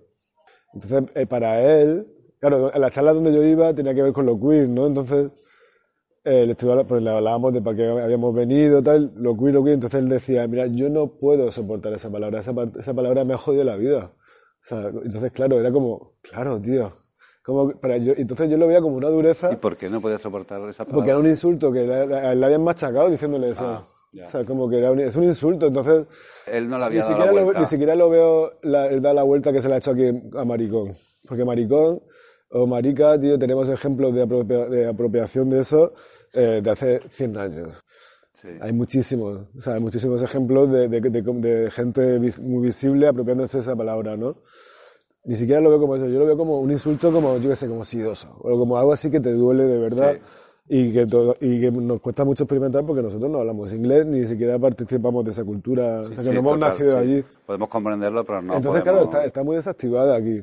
Está muy desactivada y muy difícil todo el rato activar una palabra en inglés aquí, porque encima el inglés en España, o sea, en el Estado español, pues eh, produce una cosa de clase también. Y, y bueno, y que no produce los efectos que produce en el inglés. Entonces sí que, o sea, por- para, para empezar ya está muy desactivada y, no, y ni siquiera, por mucho que lo escribamos con C y tal, no consigue llegar a producir los problemas. O sea, no, Sí. no da problemas, no da problemas, ¿no? Sí, de- y lo cutre para mí sí que hacía eso. Traía Pero, no son- pero claro, la cuestión es no son sinónimos. No son sinónimos. No son sustituibles. Pero sí que, sí que, pero que sí que, sí que tienen que una, una cercanía de letra, ¿no? Como, Sí, claro, Eso claro. me hace mucha hay, gracia. hay una, hay una especie como de... Sí, de cercanía. de- en el dic- sí, en de armo- de en el- composición. En el, listado del diccionario, ¿no? De Sí. la C, la U, no sé qué. No sé cómo. Pero me hacía gracia, eso no tiene nada que ver, es una chorrada. Es como pensarlo de. Pues ahí estamos pensando de- del lenguaje de lo material, ¿no? Desde las propias palabras. Pero. Pero sí que me parecía que, que sí, aunque no está, no está hablando del género, no está hablando de la orientación sexual, no está hablando de nada de eso, lo cutre, sí que traía problemas. ¿Sabes? Entonces yo creo que eso es la cosa que le pasa a los queer. O sea, yo no estoy en contra de los queer para nada, me parece súper guay. De hecho, seguramente, en algún momento de mi vida lo, lo he utilizado, pero yo creo que no lo uso en mi día a día porque no, me- no consigo yo sino Llevártela tra- traérmela así de... O sea, de repente si lo dices tendrás la sensación de estar utilizando un eslogan. eh, o como una palabra en inglés, ¿no? Como Sí. hacia lo que tú eres, ¿sabes? Que es como muy raro, o, Sí. lo que tú, o, de lo- o digamos del, o del colectivo que tú participas. Pero bueno, yo estoy muy rodeado de esa palabra todo el rato, o sea, como de... Sí, sí, cada vez o sea, más. Cada además. vez más, ¿no? Pero no, no, no termina de operar en ese sentido.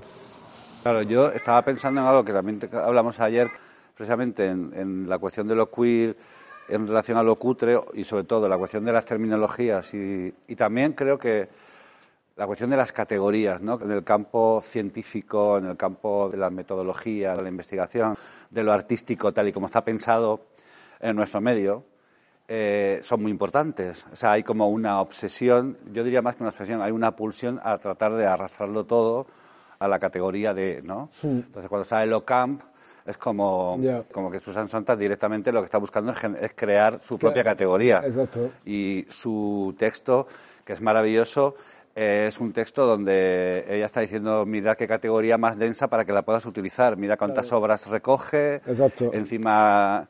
¿no? Bueno, luego Sí. hablamos también de, de ensayo de lo cursi, de Ramón Gómez de la Serna, que es una categoría desde luego menos afortunada porque, porque es en castellano. Bueno, que, que ahí de repente lo cutre, eh, yo por lo que te entendí ayer, lo, lo cutre tú lo ves más como una desactivación de No, yo todas creo esas... que, que- que lo que, claro, pero mi intención nunca fue hacer, hacer lo que hace Ramón la Serna o Sonta, o sea, porque yo creo que precisamente la palabra en sí eh, se desactiva sola, ¿no? Como que no hay... O sea, no por, por- por los de propios, por los rodearla propios de- usos de esa palabra, los propios usos de habla de esa palabra, no, no se puede como atrapar. Y yo lo veo como, o sea, lo veo como, por ejemplo, incluso la palabra marica en un museo, o sea, tiene una funcionalidad muy diferente a que poner cutre. Cutre está como apelando a unas cosas que, que, que nos pone un poco nerviosos, Sí. ¿sabes? A nivel de nuestros trabajos, a Sí. nivel de... Incluso a mí, incluso de- al principio era como, wow, o sea, es como que yo había una especie de, de defensa de eso, ¿sabes? Como que, pues eso que te trae problemas, ¿sabes? Sí. Y incluso por eso digo, poner bollera en un museo, poner maricón, no creo que es otra cosa, porque hay una lucha detrás, porque hay no sé qué, ¿sabes? O sea, para mí no, o sea, toda esta reflexión no va en contra, digamos, de, de no quiero utilizar la palabra queer. De hecho, para mí que lo queer es como, o sea, tiene algo que ver, tiene algo de, de como de internacional eh, desviada, ¿no? De que ahí donde se ponga ese sello tú sabes que hay co- hay compañeras, ¿no? Y eso me Sí. parece lo más, ¿no? Como que esa palabra se haya internacionalizado tanto. Yo no, no tengo ni tanto prejuicio con los yankees así, de plan de, pues no, Sí, lo sí, odio normal, porque sí. vienen allí. Pero sí que, sí que a la misma vez de esa internacional sí que me parece que, que tenemos que buscar palabras que operen, ¿sabes? O sea, por eso digo que no es una cosa en contra de lo queer, porque para mí lo queer que ya es como donde hay una señal de sangre en la puerta y ahí están tus hermanos, pues ahí hay una cosa así de queer, eso está muy bien, ¿sabes? Está muy bien, ¿no? Porque siempre te vas, ¿no? Son herramientas que, de comunicación que nos van a servir, porque queer ahora mismo está en todas partes del mundo. Pero eso no quita, o sea, que eso no borre, digamos, una necesidad propia de que las palabras empiezan a nombrar cosas y a, y a operar, ¿no? Y a Sí, funcionar. sí, sí, total. Entonces, quizás no tenemos que buscar un sinónimo igualitario en ese sentido de que es un insulto y tal, sino que tenemos que buscar otras otras vías. Sí. Para mí lo que usted era un- una, una propuesta desde ahí. ¿Paramos si pedimos? Sí. Y podemos seguir si quieres. Claro, claro, yo estoy- me está pareciendo una aventura que te cagas. Sí.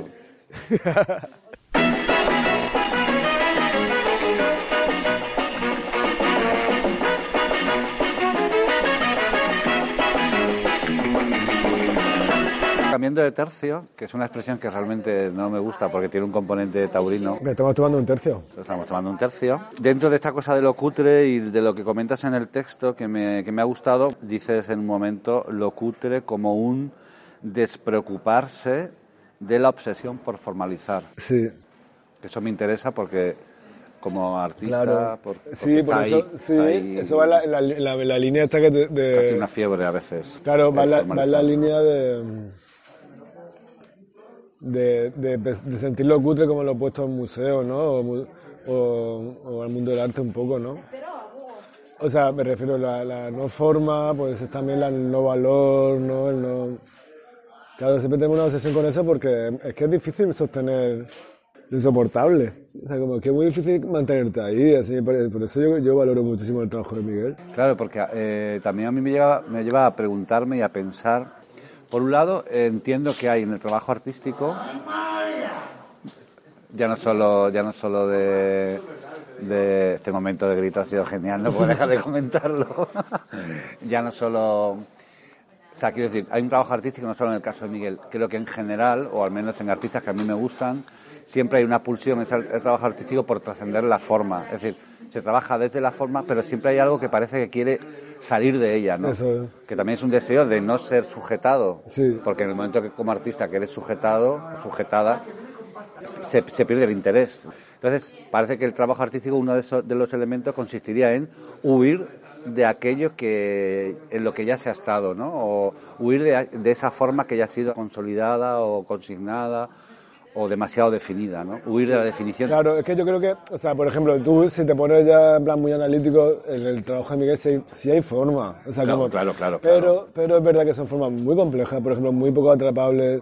O sea, requieren mucho esfuerzo de análisis, ¿sabes? Por ejemplo, si tú te pones en plan historiadora a mirar la o- obra por obra, pues son com- bien complejas, ¿sabes? Y las formas pues son muy poco informes, ¿no?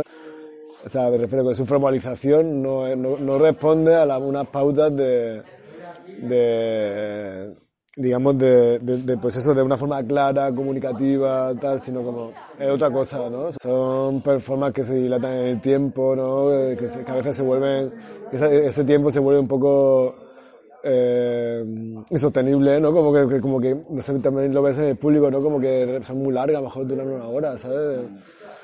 Luego también tiene acciones muy rápidas, ¿no? Que él hace, pues, improvisa ahí, pues, como en una fiesta, no sé qué, pues, y lo voy a hacer y voy a poner esto, no sé qué, porque a- algo ha pasado, a lo mejor en, en el encuentro anterior a la fiesta y de repente, pues, él decide hacerla de, de cierta manera. O sea, digamos, cuando yo digo como ese esfuerzo de formalizar, es que él no busca eh, la claridad de la forma, no busca Acabada, la, ¿no? La claridad del el aca- acabado. no, no busca la calidad, no busca el acabado, no busca como todos esos, digamos, esos parámetros que el arte necesita, ¿no?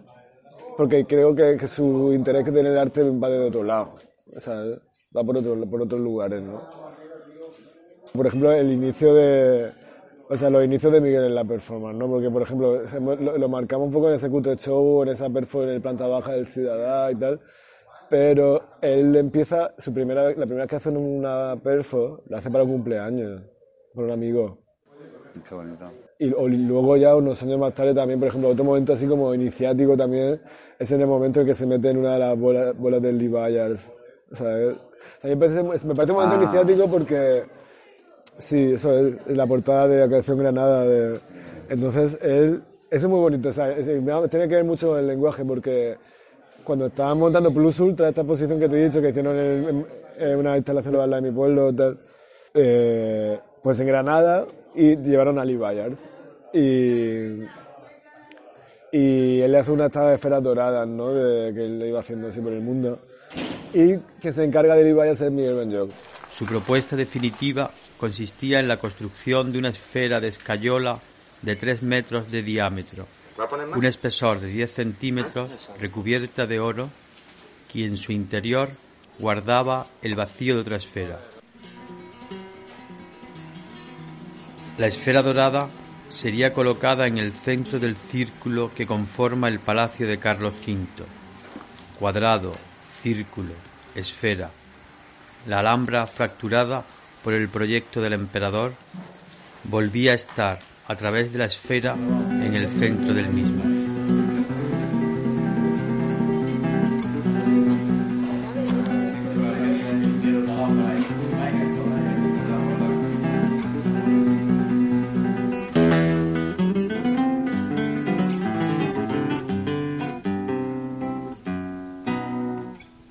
Baños no, no controlaba mucho el inglés y entonces pues la, la cuestión es que Byers y él se entienden de puta madre sin entenderse, entonces están todo, todo ese viaje juntos.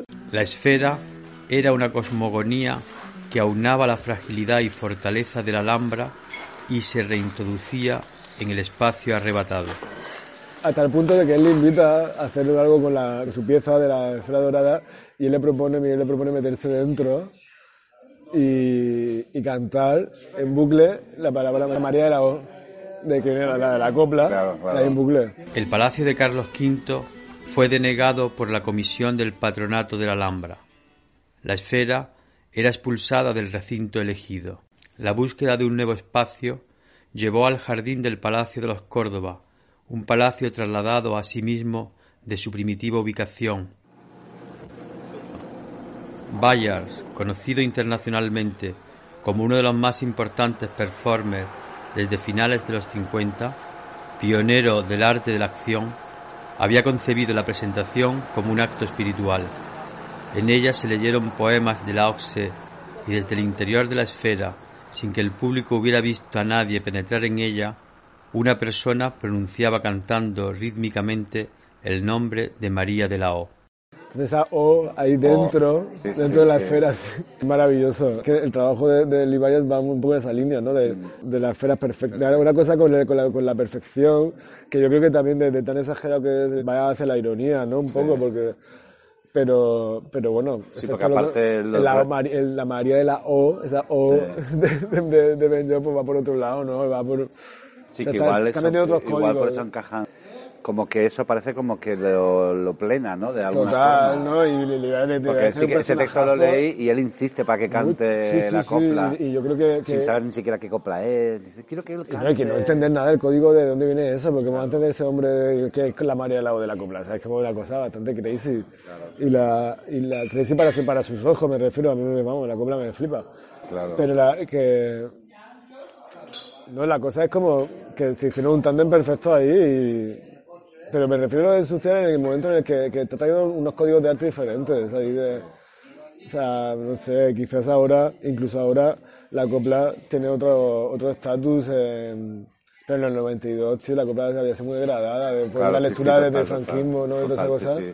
Todavía no, sabía- no había sido recuperada. No había sido recuperada en los, en los términos en los que está ahora, ¿no? Claro, y esa, y esa pata, esa pata que no hemos hablado tanto, que, y que quizás lo Cute también habla de eso, que es la pata de lo popular, ¿no? Y él era de pueblo, era de Loja. Sí, era- lo popular. Bueno, él escribe el pregón de la, de la fiesta de su pueblo, ¿sabes? Es que, ¿sabes? Semejante maricón, ¿sabes? Con ese trabajo que hace de performance y luego leyendo, ¿sabes? Sea, échale, no sé, no cualquier cosa, ¿sabes? Cualquier, cualquiera de nosotros leyendo el pregón de nuestro pueblo, ¿sabes? Y escribiendo lo que escribimos, diciendo lo que decimos. Pues aquí el señor Miguel Benjoc, desnudándose como se desnudaba y haciendo todas estas performances, se va al- con los incensarios de Loja, ni más ni menos, o sea, como que no es algo religioso, eh, leyendo algo sobre lo, lo divino profano, o sea, como una cosa así. Sí, de- sí, sí, sí. Es tremendo. Cuando dan fin, los incensarios se suelen fotografiar con el postor delante de la imagen, un ritual de la memoria y del reconocimiento al trabajo realizado. Todos sonríen. La procesión, como indica su etimología, sigue adelante y los bares de las cuatro esquinas desprenden el vaho de la vigilia. Calamares, bacalaos, chislas, boquerones. Aquí comer, comemos todos. Ellos también, aunque si mal no recuerdo, la harán cuando la procesión baja el puente después del golpe en la carrera y el encuentro. No sé dónde están ahora. Esta continua interrupción marca el tránsito de lo profano a lo sagrado que caracteriza la presencia-ausencia de los incensarios a lo largo del día. Este transitar es propio del Viernes Santo lojeño, donde lo formal y lo informal se entrecruzan produciendo esa especie de procesión anárquica que va del recogimiento a la expansión mundana. Pienso que es el morrión de los incensarios donde se plasma esa aparente contradicción. El morrión es penitencia y exaltación. El ensalzamiento que producen sus ornamentos lo convierten en una pesada carga que acentúa la penitencia, sobrellevada por el trance que producen sus cantos y danzas en la adoración de las imágenes. Esta permanente intercomunicación entre lo profano y lo sagrado no debe parecernos antitética. La vida fluye en estos dos polos, produciendo energía. Lo humano y lo divino están en nosotros mismos. Es la vida. Y estos son los incensarios.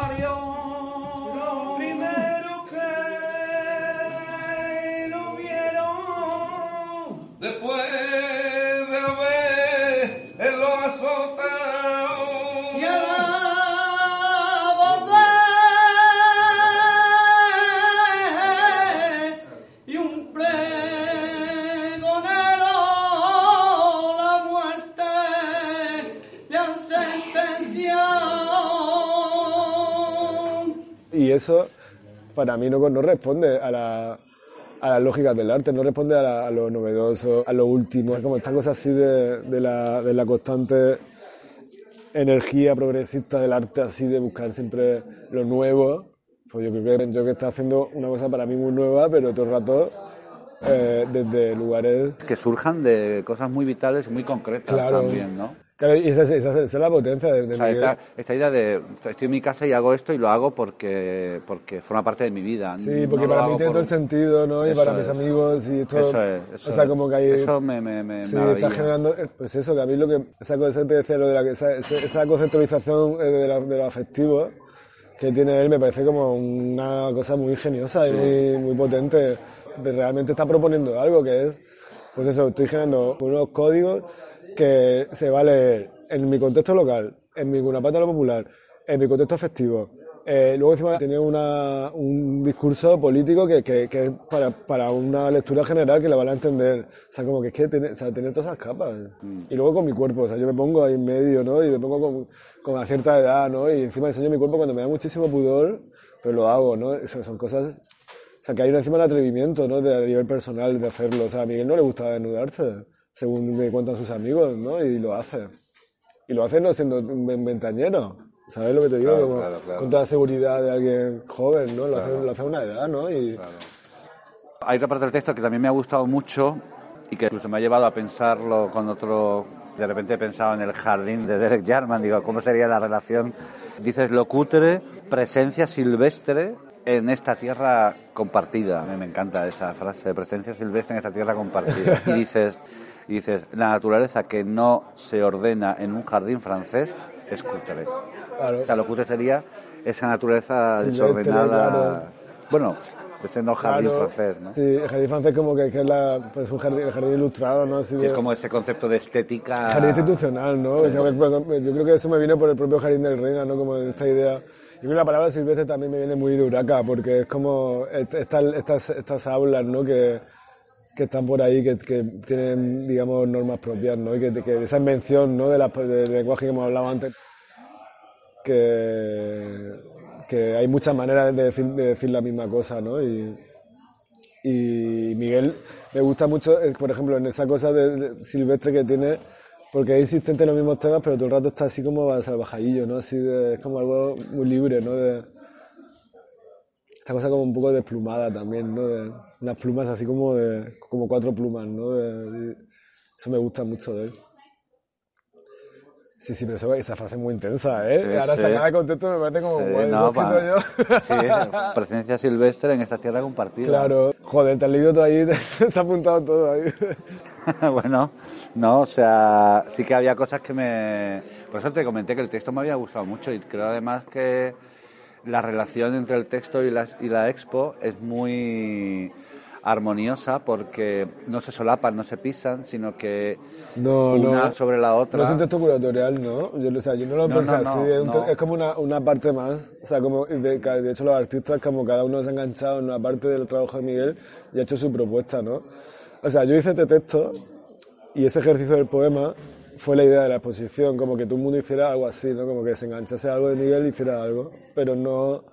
Ese texto no está comisariando ni ordenando la exposición. Claro, no está de repente Ningún texto del catálogo a- está como, digamos, esa- sino que cada uno ha hecho una un acercamiento al trabajo de Miguel. Claro, pero bueno, luego hay De- como sus hay, por rimas, ejemplo, sí, hay gente, por ejemplo, el equipo Rey lo ha hecho desde lo afectivo, ¿no? O, bonito o Romero lo ha hecho desde la- el cantador, y entonces pues lo ha hecho de la voz, ¿no? Y de sus intereses que son por el tema, por el tema también de la disidencia sexual y de género, ¿no? Y Pero también de repente en tu texto sí, está la voz. sí, sí, sí. Es verdad que luego aparecen esas rimas que también a mí me parecen muy interesantes, ¿no? Pero como texto, desde donde lo estaba leyendo yo, me parece como...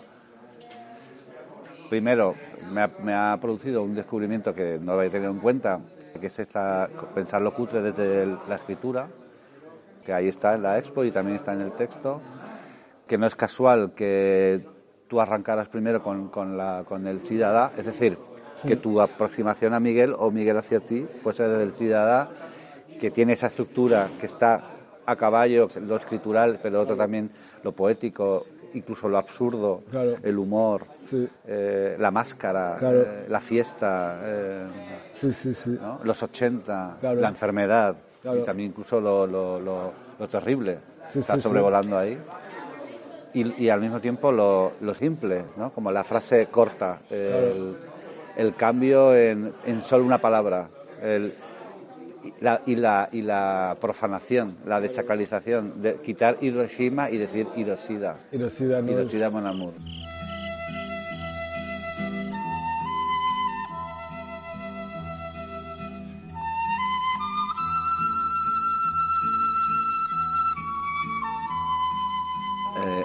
La de equipo red, que es la que hay como una cosa sobre el pliegue, no, ¿en dónde? Sí, sí, sí, mi equipo REM. Trabajaron sobre el pliegue. Y hicieron como plegaron. Ah, claro, cartas plegadas. Sí, la- las cartas van plegadas y, y he visto que cogen fotos suyas y las pliegan. Sí, tuvieron una relación muy íntima con, con Miguel. Sí, yo creo que sí, sí, la, sí, la- yo- la obra a mí a me por encanta. Aymar, de hecho. Sí, la obra me encanta porque es como. Creo que sí que mantiene, mantiene esa, esa, esa vida que tuvieron con Miguel, ¿no? Mantiene ese. O sea, yo me imagino que esa pieza. O sea, yo no conocí su relación, pero es que veo esa relación ahí, ¿no? Como que está. Es muy bonita.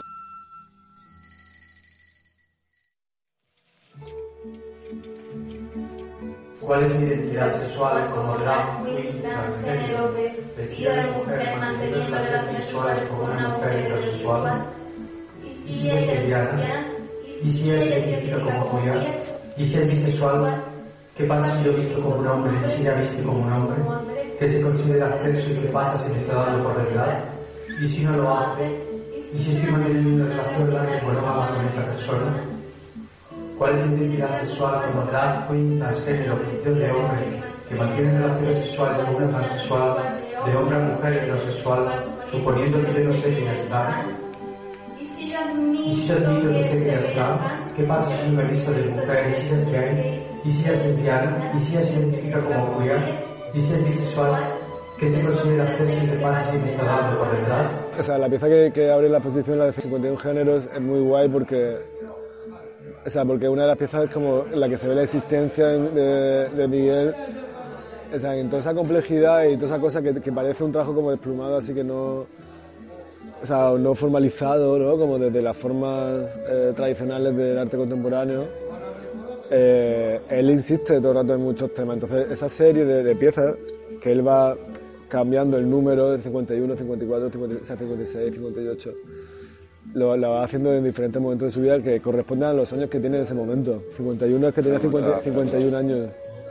Y van o sea, digamos como que se mantiene, ahora en la sala de la biblioteca se van a ver eh, tres series de, esa- de esas piezas eh, y se ve como hay gestos que se repiten, pero otros que no, que se van adaptando al momento, incluso a, a señalamientos eh, de, momentos políticos concretos del, que están pasando en ese momento ¿no? y en el lugar donde están pasando. ¿no?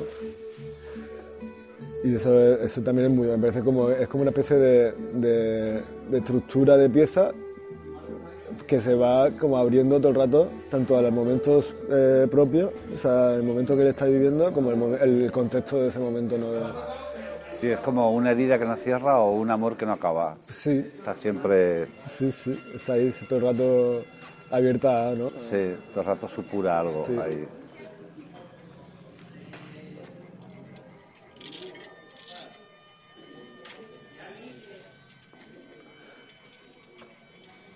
Háblame tú de lo, de, lo que está esta cosa de informe. Pues todo empieza un poco, mira, eh, las publicaciones que te da hoy, eh, o sea, todo empieza de una manera un poco inconsciente, como la mayoría de las cosas.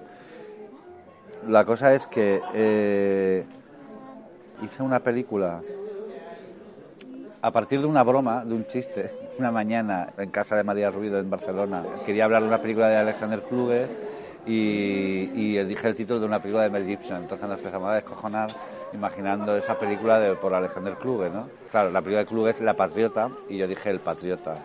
Nos reíamos tal, y entonces yo dije de broma, jaja, imagínate Pretty Woman de Alexander Kluge, ¿no? Y me fui a casa, que entonces me estaba quedando un tiempo en casa de mi hermana, yo vivía en Berlín, y, y empecé a hacer Pretty Woman como lo hubiese hecho en Alexander. Hola, qué guay. Total, que se hizo la, hizo la película, por supuesto la historia de Pretty Woman se prolonga, eh, hay todo un tema en relación a la cosificación, a la relación cuerpo-objeto, al capitalismo emocional, a... Pretty Woman, geh doch nicht vorbei. Pretty Woman, bist du heute Abend frei? Pretty Woman. Bueno, pues el libro nació de la idea de continuar el relato de la protagonista desde su propia voz, un poco también para, para dibujarla, es decir, como no, no como otra alegoría más Sí. que es mujer, que sobre la que vuelve a caer toda la significación, ¿no? Claro. ¿Cómo? Sí, bueno, ahora te pedimos Sí, otras dos, ¿vale? Y, y entonces, claro, pues en el libro, bueno, total, entonces hice el libro. Y la cuestión es que, para ir resumiendo, que en el, en el libro ya sí empecé a darme cuenta de una, o sea, me topé con una noción que es la noción de bulto, porque hay una cosa en ella de sentirse un bulto y empiezas a, a pensar la relación con el objeto, ¿no? Y que en el fondo no deja de ser esta cosa que es romper la, el, el binarismo sujeto-objeto, que es también pensar la relación postindustrial de las cosas y todo esto. Pero el libro tiene también mucho de eso. Y claro, de repente di con la noción de bulto y dije que, y empecé a atribuirle cosas para las que el bulto funcionaba. Por ejemplo, cuando a alguien le dicen que es un bulto, que estorba, que es estorbar, es que estás en medio, ¿no? Y eso me parecía muy político, estar en medio. Y decía, pero un bulto no, no habita un lugar, lo ocupa, está ocupando. Porque un bulto, como no tiene función, o sea, si, si tuvo función en algún momento, la ha perdido completamente. O, o se le ha indefinido. Eso, por ejemplo, eh, me interesaba lo cutre desde el lado de, de la indefinición. Claro. Si yo digo botella, estoy definiendo, ¿no? O sea, no- pero si, si yo digo, iba con bultos, Claro. Yo, yo no sé si, eh, o sea, estaba pensando ahora si, si lo cutre, escuchándote, si lo cutre lo que hace es trabajar, o sea, lo, lo cutre trabaja para la desidentificación. O sea, pensándolo con Miguel también.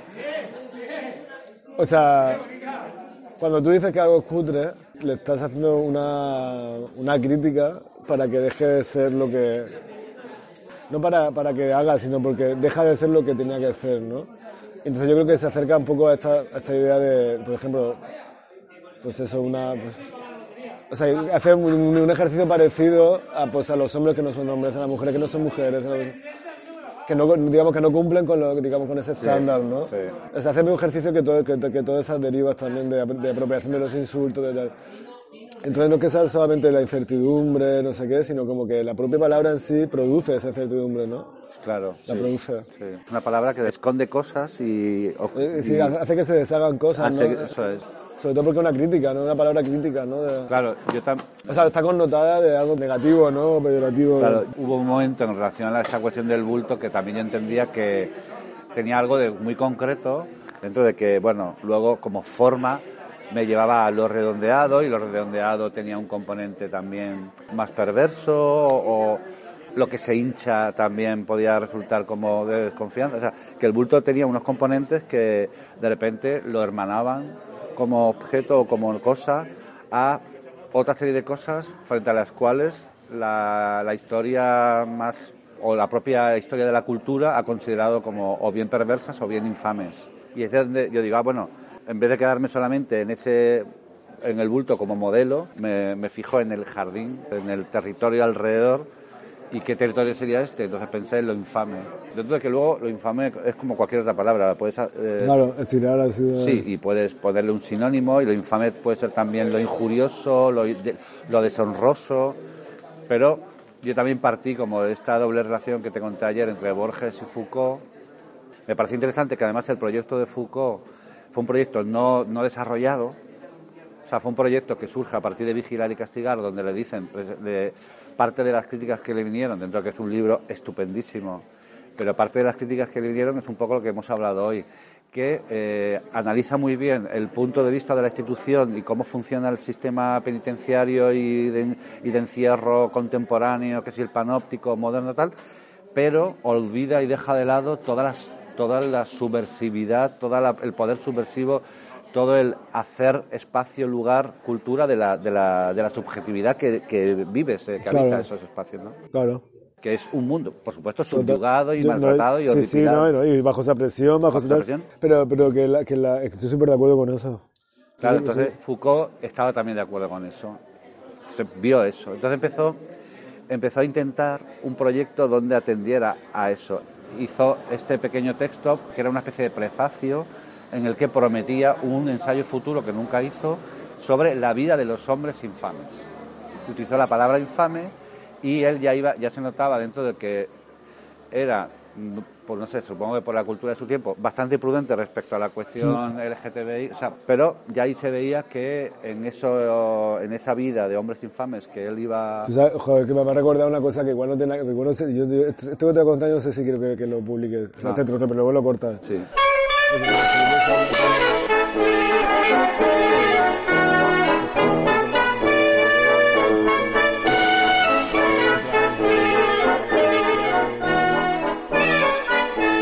Que, para mí, como que en ese momento se da la vuelta al calcetín, porque digamos, digamos, el horror y el patriarcado y la- lo que tú señalas en tu vida como lo peor de lo peor de lo peor, y decías, Dios no tienen tan pocas herramientas que ahora mismo es lo que más pena da, tío. O sea, era lo, lo- lo que, la- lo que está más en la mierda.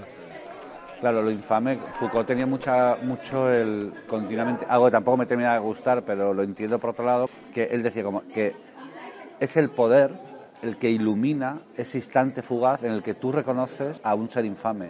Es como si el poder fuese un faro en la noche oscura y donde de repente pasa la luz, ese segundo de luz ilumina un sujeto y lo- le da un nombre, le da un lugar en la historia porque el poder lo ha iluminado y se lo da desde la infamia, ¿no?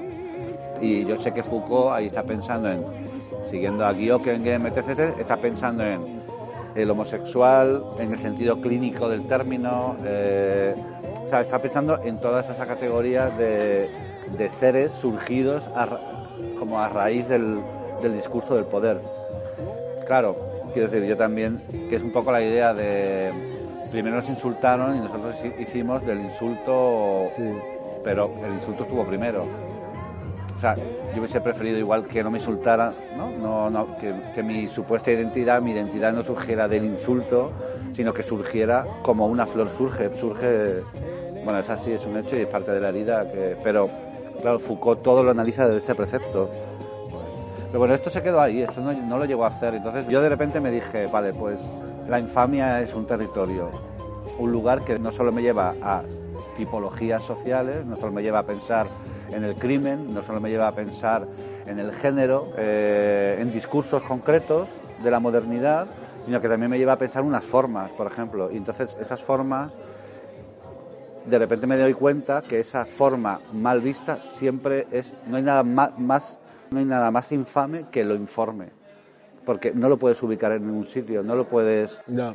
no lo puedes reconocer. Entonces el poder no soporta eso, por eso el poder tiene que iluminar, porque no hay nada más informe que la noche, en Claro, la que pero, nada se pero ve. si, pero si te fijas, o sea, como que incluso empezando eso del informe, lo cutre y tal, si te fijas, eso parece que como que si el arte fuese como, o sea, pensando en términos Foucaultianos, Sí. como si el arte fuese una, una de las técnicas que decide darle forma a lo que no tiene todo el rato. Sí, Es sí, como- sí, sí, es, sí, es sí. como una apreciación terrible porque el arte, pues, seguramente, pues, pues, precisamente por las experiencias estéticas que cada uno hemos tenido, pues, pues pensamos que no es así, pero, pero en el fondo hay algo que sospechas que sí lo es, ¿no? Como que, que dices, pues, claro. Y lo ves cuando, cuando sobre todo, todo, o sea, eh, ves como una, toda una colectividad eh, joven, con un montón de energía, sometiéndose a unos parámetros laborales y, pues, y de positivos y tal, que son muy tiranos. O sea, Claro. es como...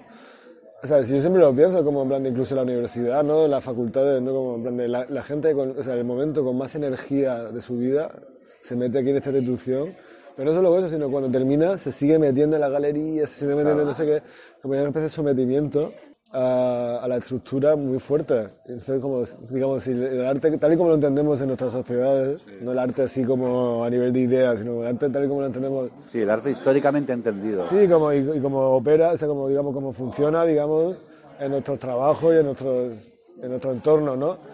Hablando de esto que dices del arte, claro, o sea, todos estudiosos, estudiosas de la modernidad siempre han destacado, las, coincidencias históricas para decir, hemos de sospechar del discurso moderno. Oye, si es coincidente que la historiografía moderna empieza, cuando empieza la, eh, lógica militar moderna, eh, la ciencia moderna, la invención del yo, la invención de la, psicología, la, invención de los tipos clínicos, etc, etc, y de ahí, yo siempre me he preguntado, ¿y la coincidencia de que es también en ese momento cuando empieza el discurso del arte? Porque antes el arte no existe como históricamente lo entendemos ahora. No estoy tampoco culpando, o sea, hacer forma y formalizar cosas es parte de la vida, pero eh, hay algo de lo que tú dices, hay algo de... Sí, pero formalizar qué es, porque es que depende, o sea, eso también sería interesante pensar, lo que es formalizar a, a día de hoy. ¿Qué es formalizar hoy? Esa es una pregunta interesante a la que, sin embargo, dejaremos sin respuesta, al menos en este episodio. Algunos me diréis, pero ¿por qué paras la conversación aquí? ¿Pero por qué te detienes aquí? Que, que ahora en el mejor momento. Si ahora va a decir.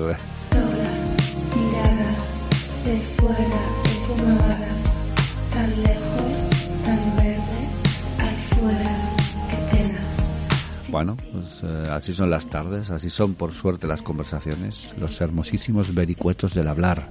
Uno, uno no decide cuándo dejarlas, uno las ve marchar. Motore. 2150 prima. Acción. Bueno, ¿qué otra cerveza? No, claro. Ya dejamos esto. Venga. También por otro lado es que tengo mucho que contar antes de poder decir adiós a este episodio de hoy. Esa noche se nos unió el artista Diego del Pozo, que había venido de Madrid para dar un taller al día siguiente, el jueves, en el Iván, en relación a la Expo de Miguel. Eh, taller en el que participé y además fue muy, muy, muy divertido y, y muy especial, sin duda. En ese taller conocí a la Sorgía, que, que eran amigas de amigas y a las que mando un saludo muy cariñoso si escuchan esto. Y participó también Eduardo García Nieto, al que hacía muchísimo que no veía. Pues mando otro saludo afectuosísimo, Eduardo. Además pasamos unos días siguientes muy buenos. Y más gente que me perdonarán que no, que ahora no recuerde. Eh, el viernes fuimos Ale, Diego y yo al Cabañal. Ale nos presentó a Piro Subrat, activista, eh, autor del increíble, innecesario Invertidos y Rompepatrias, Un libro ciertamente importante acerca de la difícil, por llamarlo de algún modo, relación histórica de la izquierda con la desobediencia sexual y de género. Eh, Piro lleva además la editorial eh, Imperdible, que ha publicado entre otros el libro de Rampova, la artista transgénero, cantante, actriz y activista prequeer, nacida además en el Cabañal y recientemente fallecida. De hecho, eh, conocí también esos días en Valencia a Graham, artista, cantante de flank, que es eh, algo así como flamenco punk, y que fue muy amigo de Rampova, al que también mando desde aquí un cariñoso saludo.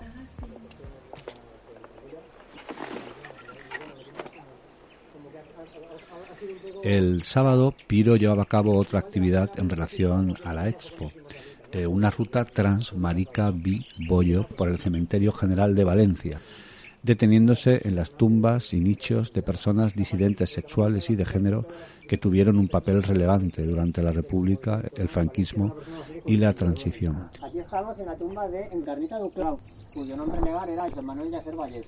Aquí la.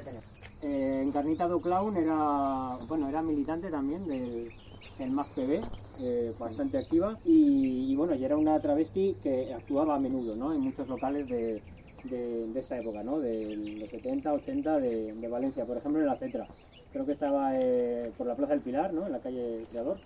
Era una persona muy, muy política a la hora de hacer su, sus espectáculos, sus, sus performances, etcétera. Era muy amiga de la gente de Ploma 2, actuó bastantes veces con ella, muy amiga de Rampova y de Clara, concretamente, e incluso yo que sé, pues, no sé, pues Rampova en su libro cuenta de una agresión, ¿no? Que sufrieron las dos en un bar a manos de unos fascistas, ¿no? Historias algunas, muchas, muy tristes, no solo por lo adverso del momento histórico que tuvieron que vivir, a veces de tremenda ocultación, un casi total exilio interior que, que muchas consiguieron subvertir con arte, con talento, pero también con riesgo. Pero tristes también, y esto lo quiero decir, por el desprecio que recibieron después de muertas por parte de la mayoría de sus familias, que han ocultado y dejado para el olvido el nombre artístico, profesional, vital, posidentitario que estas personas habían elegido en vida, huyendo o descartando aquel otro nombre oficioso que no les representaba y que sin embargo finalmente es el único que por desgracia muchas familias acaban inscribiendo en la lápida eh, donde yacen sus restos. Pues bueno, falleció eh, a, principios, a, principios, de los años 90, ¿no? En el 93. Bueno, su familia también era bastante conservadora y bueno, pues tampoco... Pues bueno, hay mucho material de ella que se ha perdido, eh, eh, etcétera. Bueno, tenemos aquí pues sin ninguna mención, ¿no? En realidad la mayor parte están sin ninguna mención. El mundo de travesti y tal, creo que solo Bertini. Me acordé de lo que Ale nos cuenta en la conversación sobre la propiedad de las palabras, sobre apropiarnos de ellas, recordándonos esa costumbre que tenía Miguel de que cada prenda tuviera el nombre propio de la persona que se lo había regalado y cómo Ale reconocía en todo ello un hacer colectivo. ¿A quién le pertenece un nombre? ¿A quién le pertenece la elección del nombre propio? ¿Quién decide sobre el nombre que nos recordará? Deberían ser por eso mismo públicas, sociales, las muertes y no privadas, para que no se produzcan estos secuestros del nombre, estos secuestros de la memoria, estas tristes soledades. Pues. Me acordé también de algo que nos había ocurrido el día anterior, el viernes, a Ale, a Diego y a mí, tras pasar la mañana paseando por el cabañal, mientras Piro nos mostraba los huecos, los solares como agujeros, la huella de las muchas violencias que el barrio había recibido, sobre todo en la primera década del 2000, por parte del ayuntamiento del PP. Violencias del poder, violencias inmobiliaria, violencias ejercidas sobre los cuerpos y sobre los edificios. Y acompañamos un momento a Piro al pequeño cementerio, casi en la linde con el cabañal, porque le hacían una entrevista precisamente con motivo de la actividad que tenía al día siguiente. En aquel cementerio pequeñito, nos dijo Piro, reposaban las cenizas de Rampova. Y nos hizo tremenda ilusión ir a visitarla, pero no conocíamos su nombre oficioso. Pensé, lo mismo saben dónde está.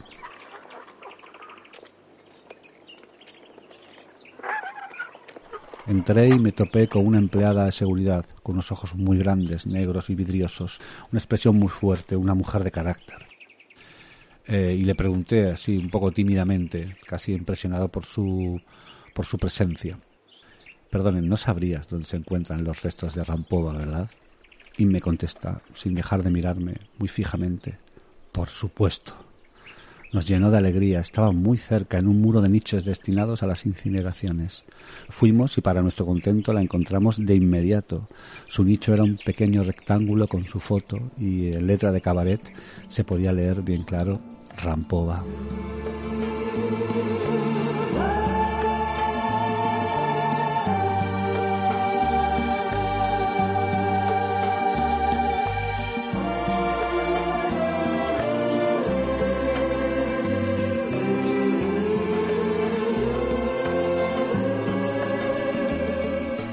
Aquellos días fueron muy especiales para Ale, para Diego y para otros amigos también, por motivos que no contaré aquí. Y me gustó acompañarles esa mañana y ese día que pasamos juntos, tan divertido bajo el sol de invierno, por el Cabañal, en la playa, tomando el tranvía que nos dejó luego muy cerca de las torres de Serranos, visitando la Casa de las Rocas y el Museo del Corpus, la expo de Momo Noés en House of Chiapas, hasta que se nos hizo la noche. Éramos como esa procesión anárquica de la que en algún momento habla Miguel. Íbamos del recogimiento a la expansión mundana. Quisiera por eso mismo, antes de acabar, recordar unas palabras de Miguel sobre lo profano y lo sagrado que creo que nos han acompañado en todo momento en la conversación. Dice, no son antitéticos, lo profano y lo sagrado, no son opuestos, no son antitéticos. La vida fluye en estos dos polos, produciendo energía lo humano y lo divino están en nosotros mismos. Es la vida. Mis obras o mis cosas eh, siempre tienen una posibilidad de tener una lectura humorística, ¿no? Porque el humor es algo que, que da posibilidad de transformación. Realmente el humor acerca a la gente a las cosas y nos hace gozar, ¿no? Y entonces no hay por qué estar todo el día penando, sino todo lo contrario. O sea, tenemos que estar en el gozo de vivir.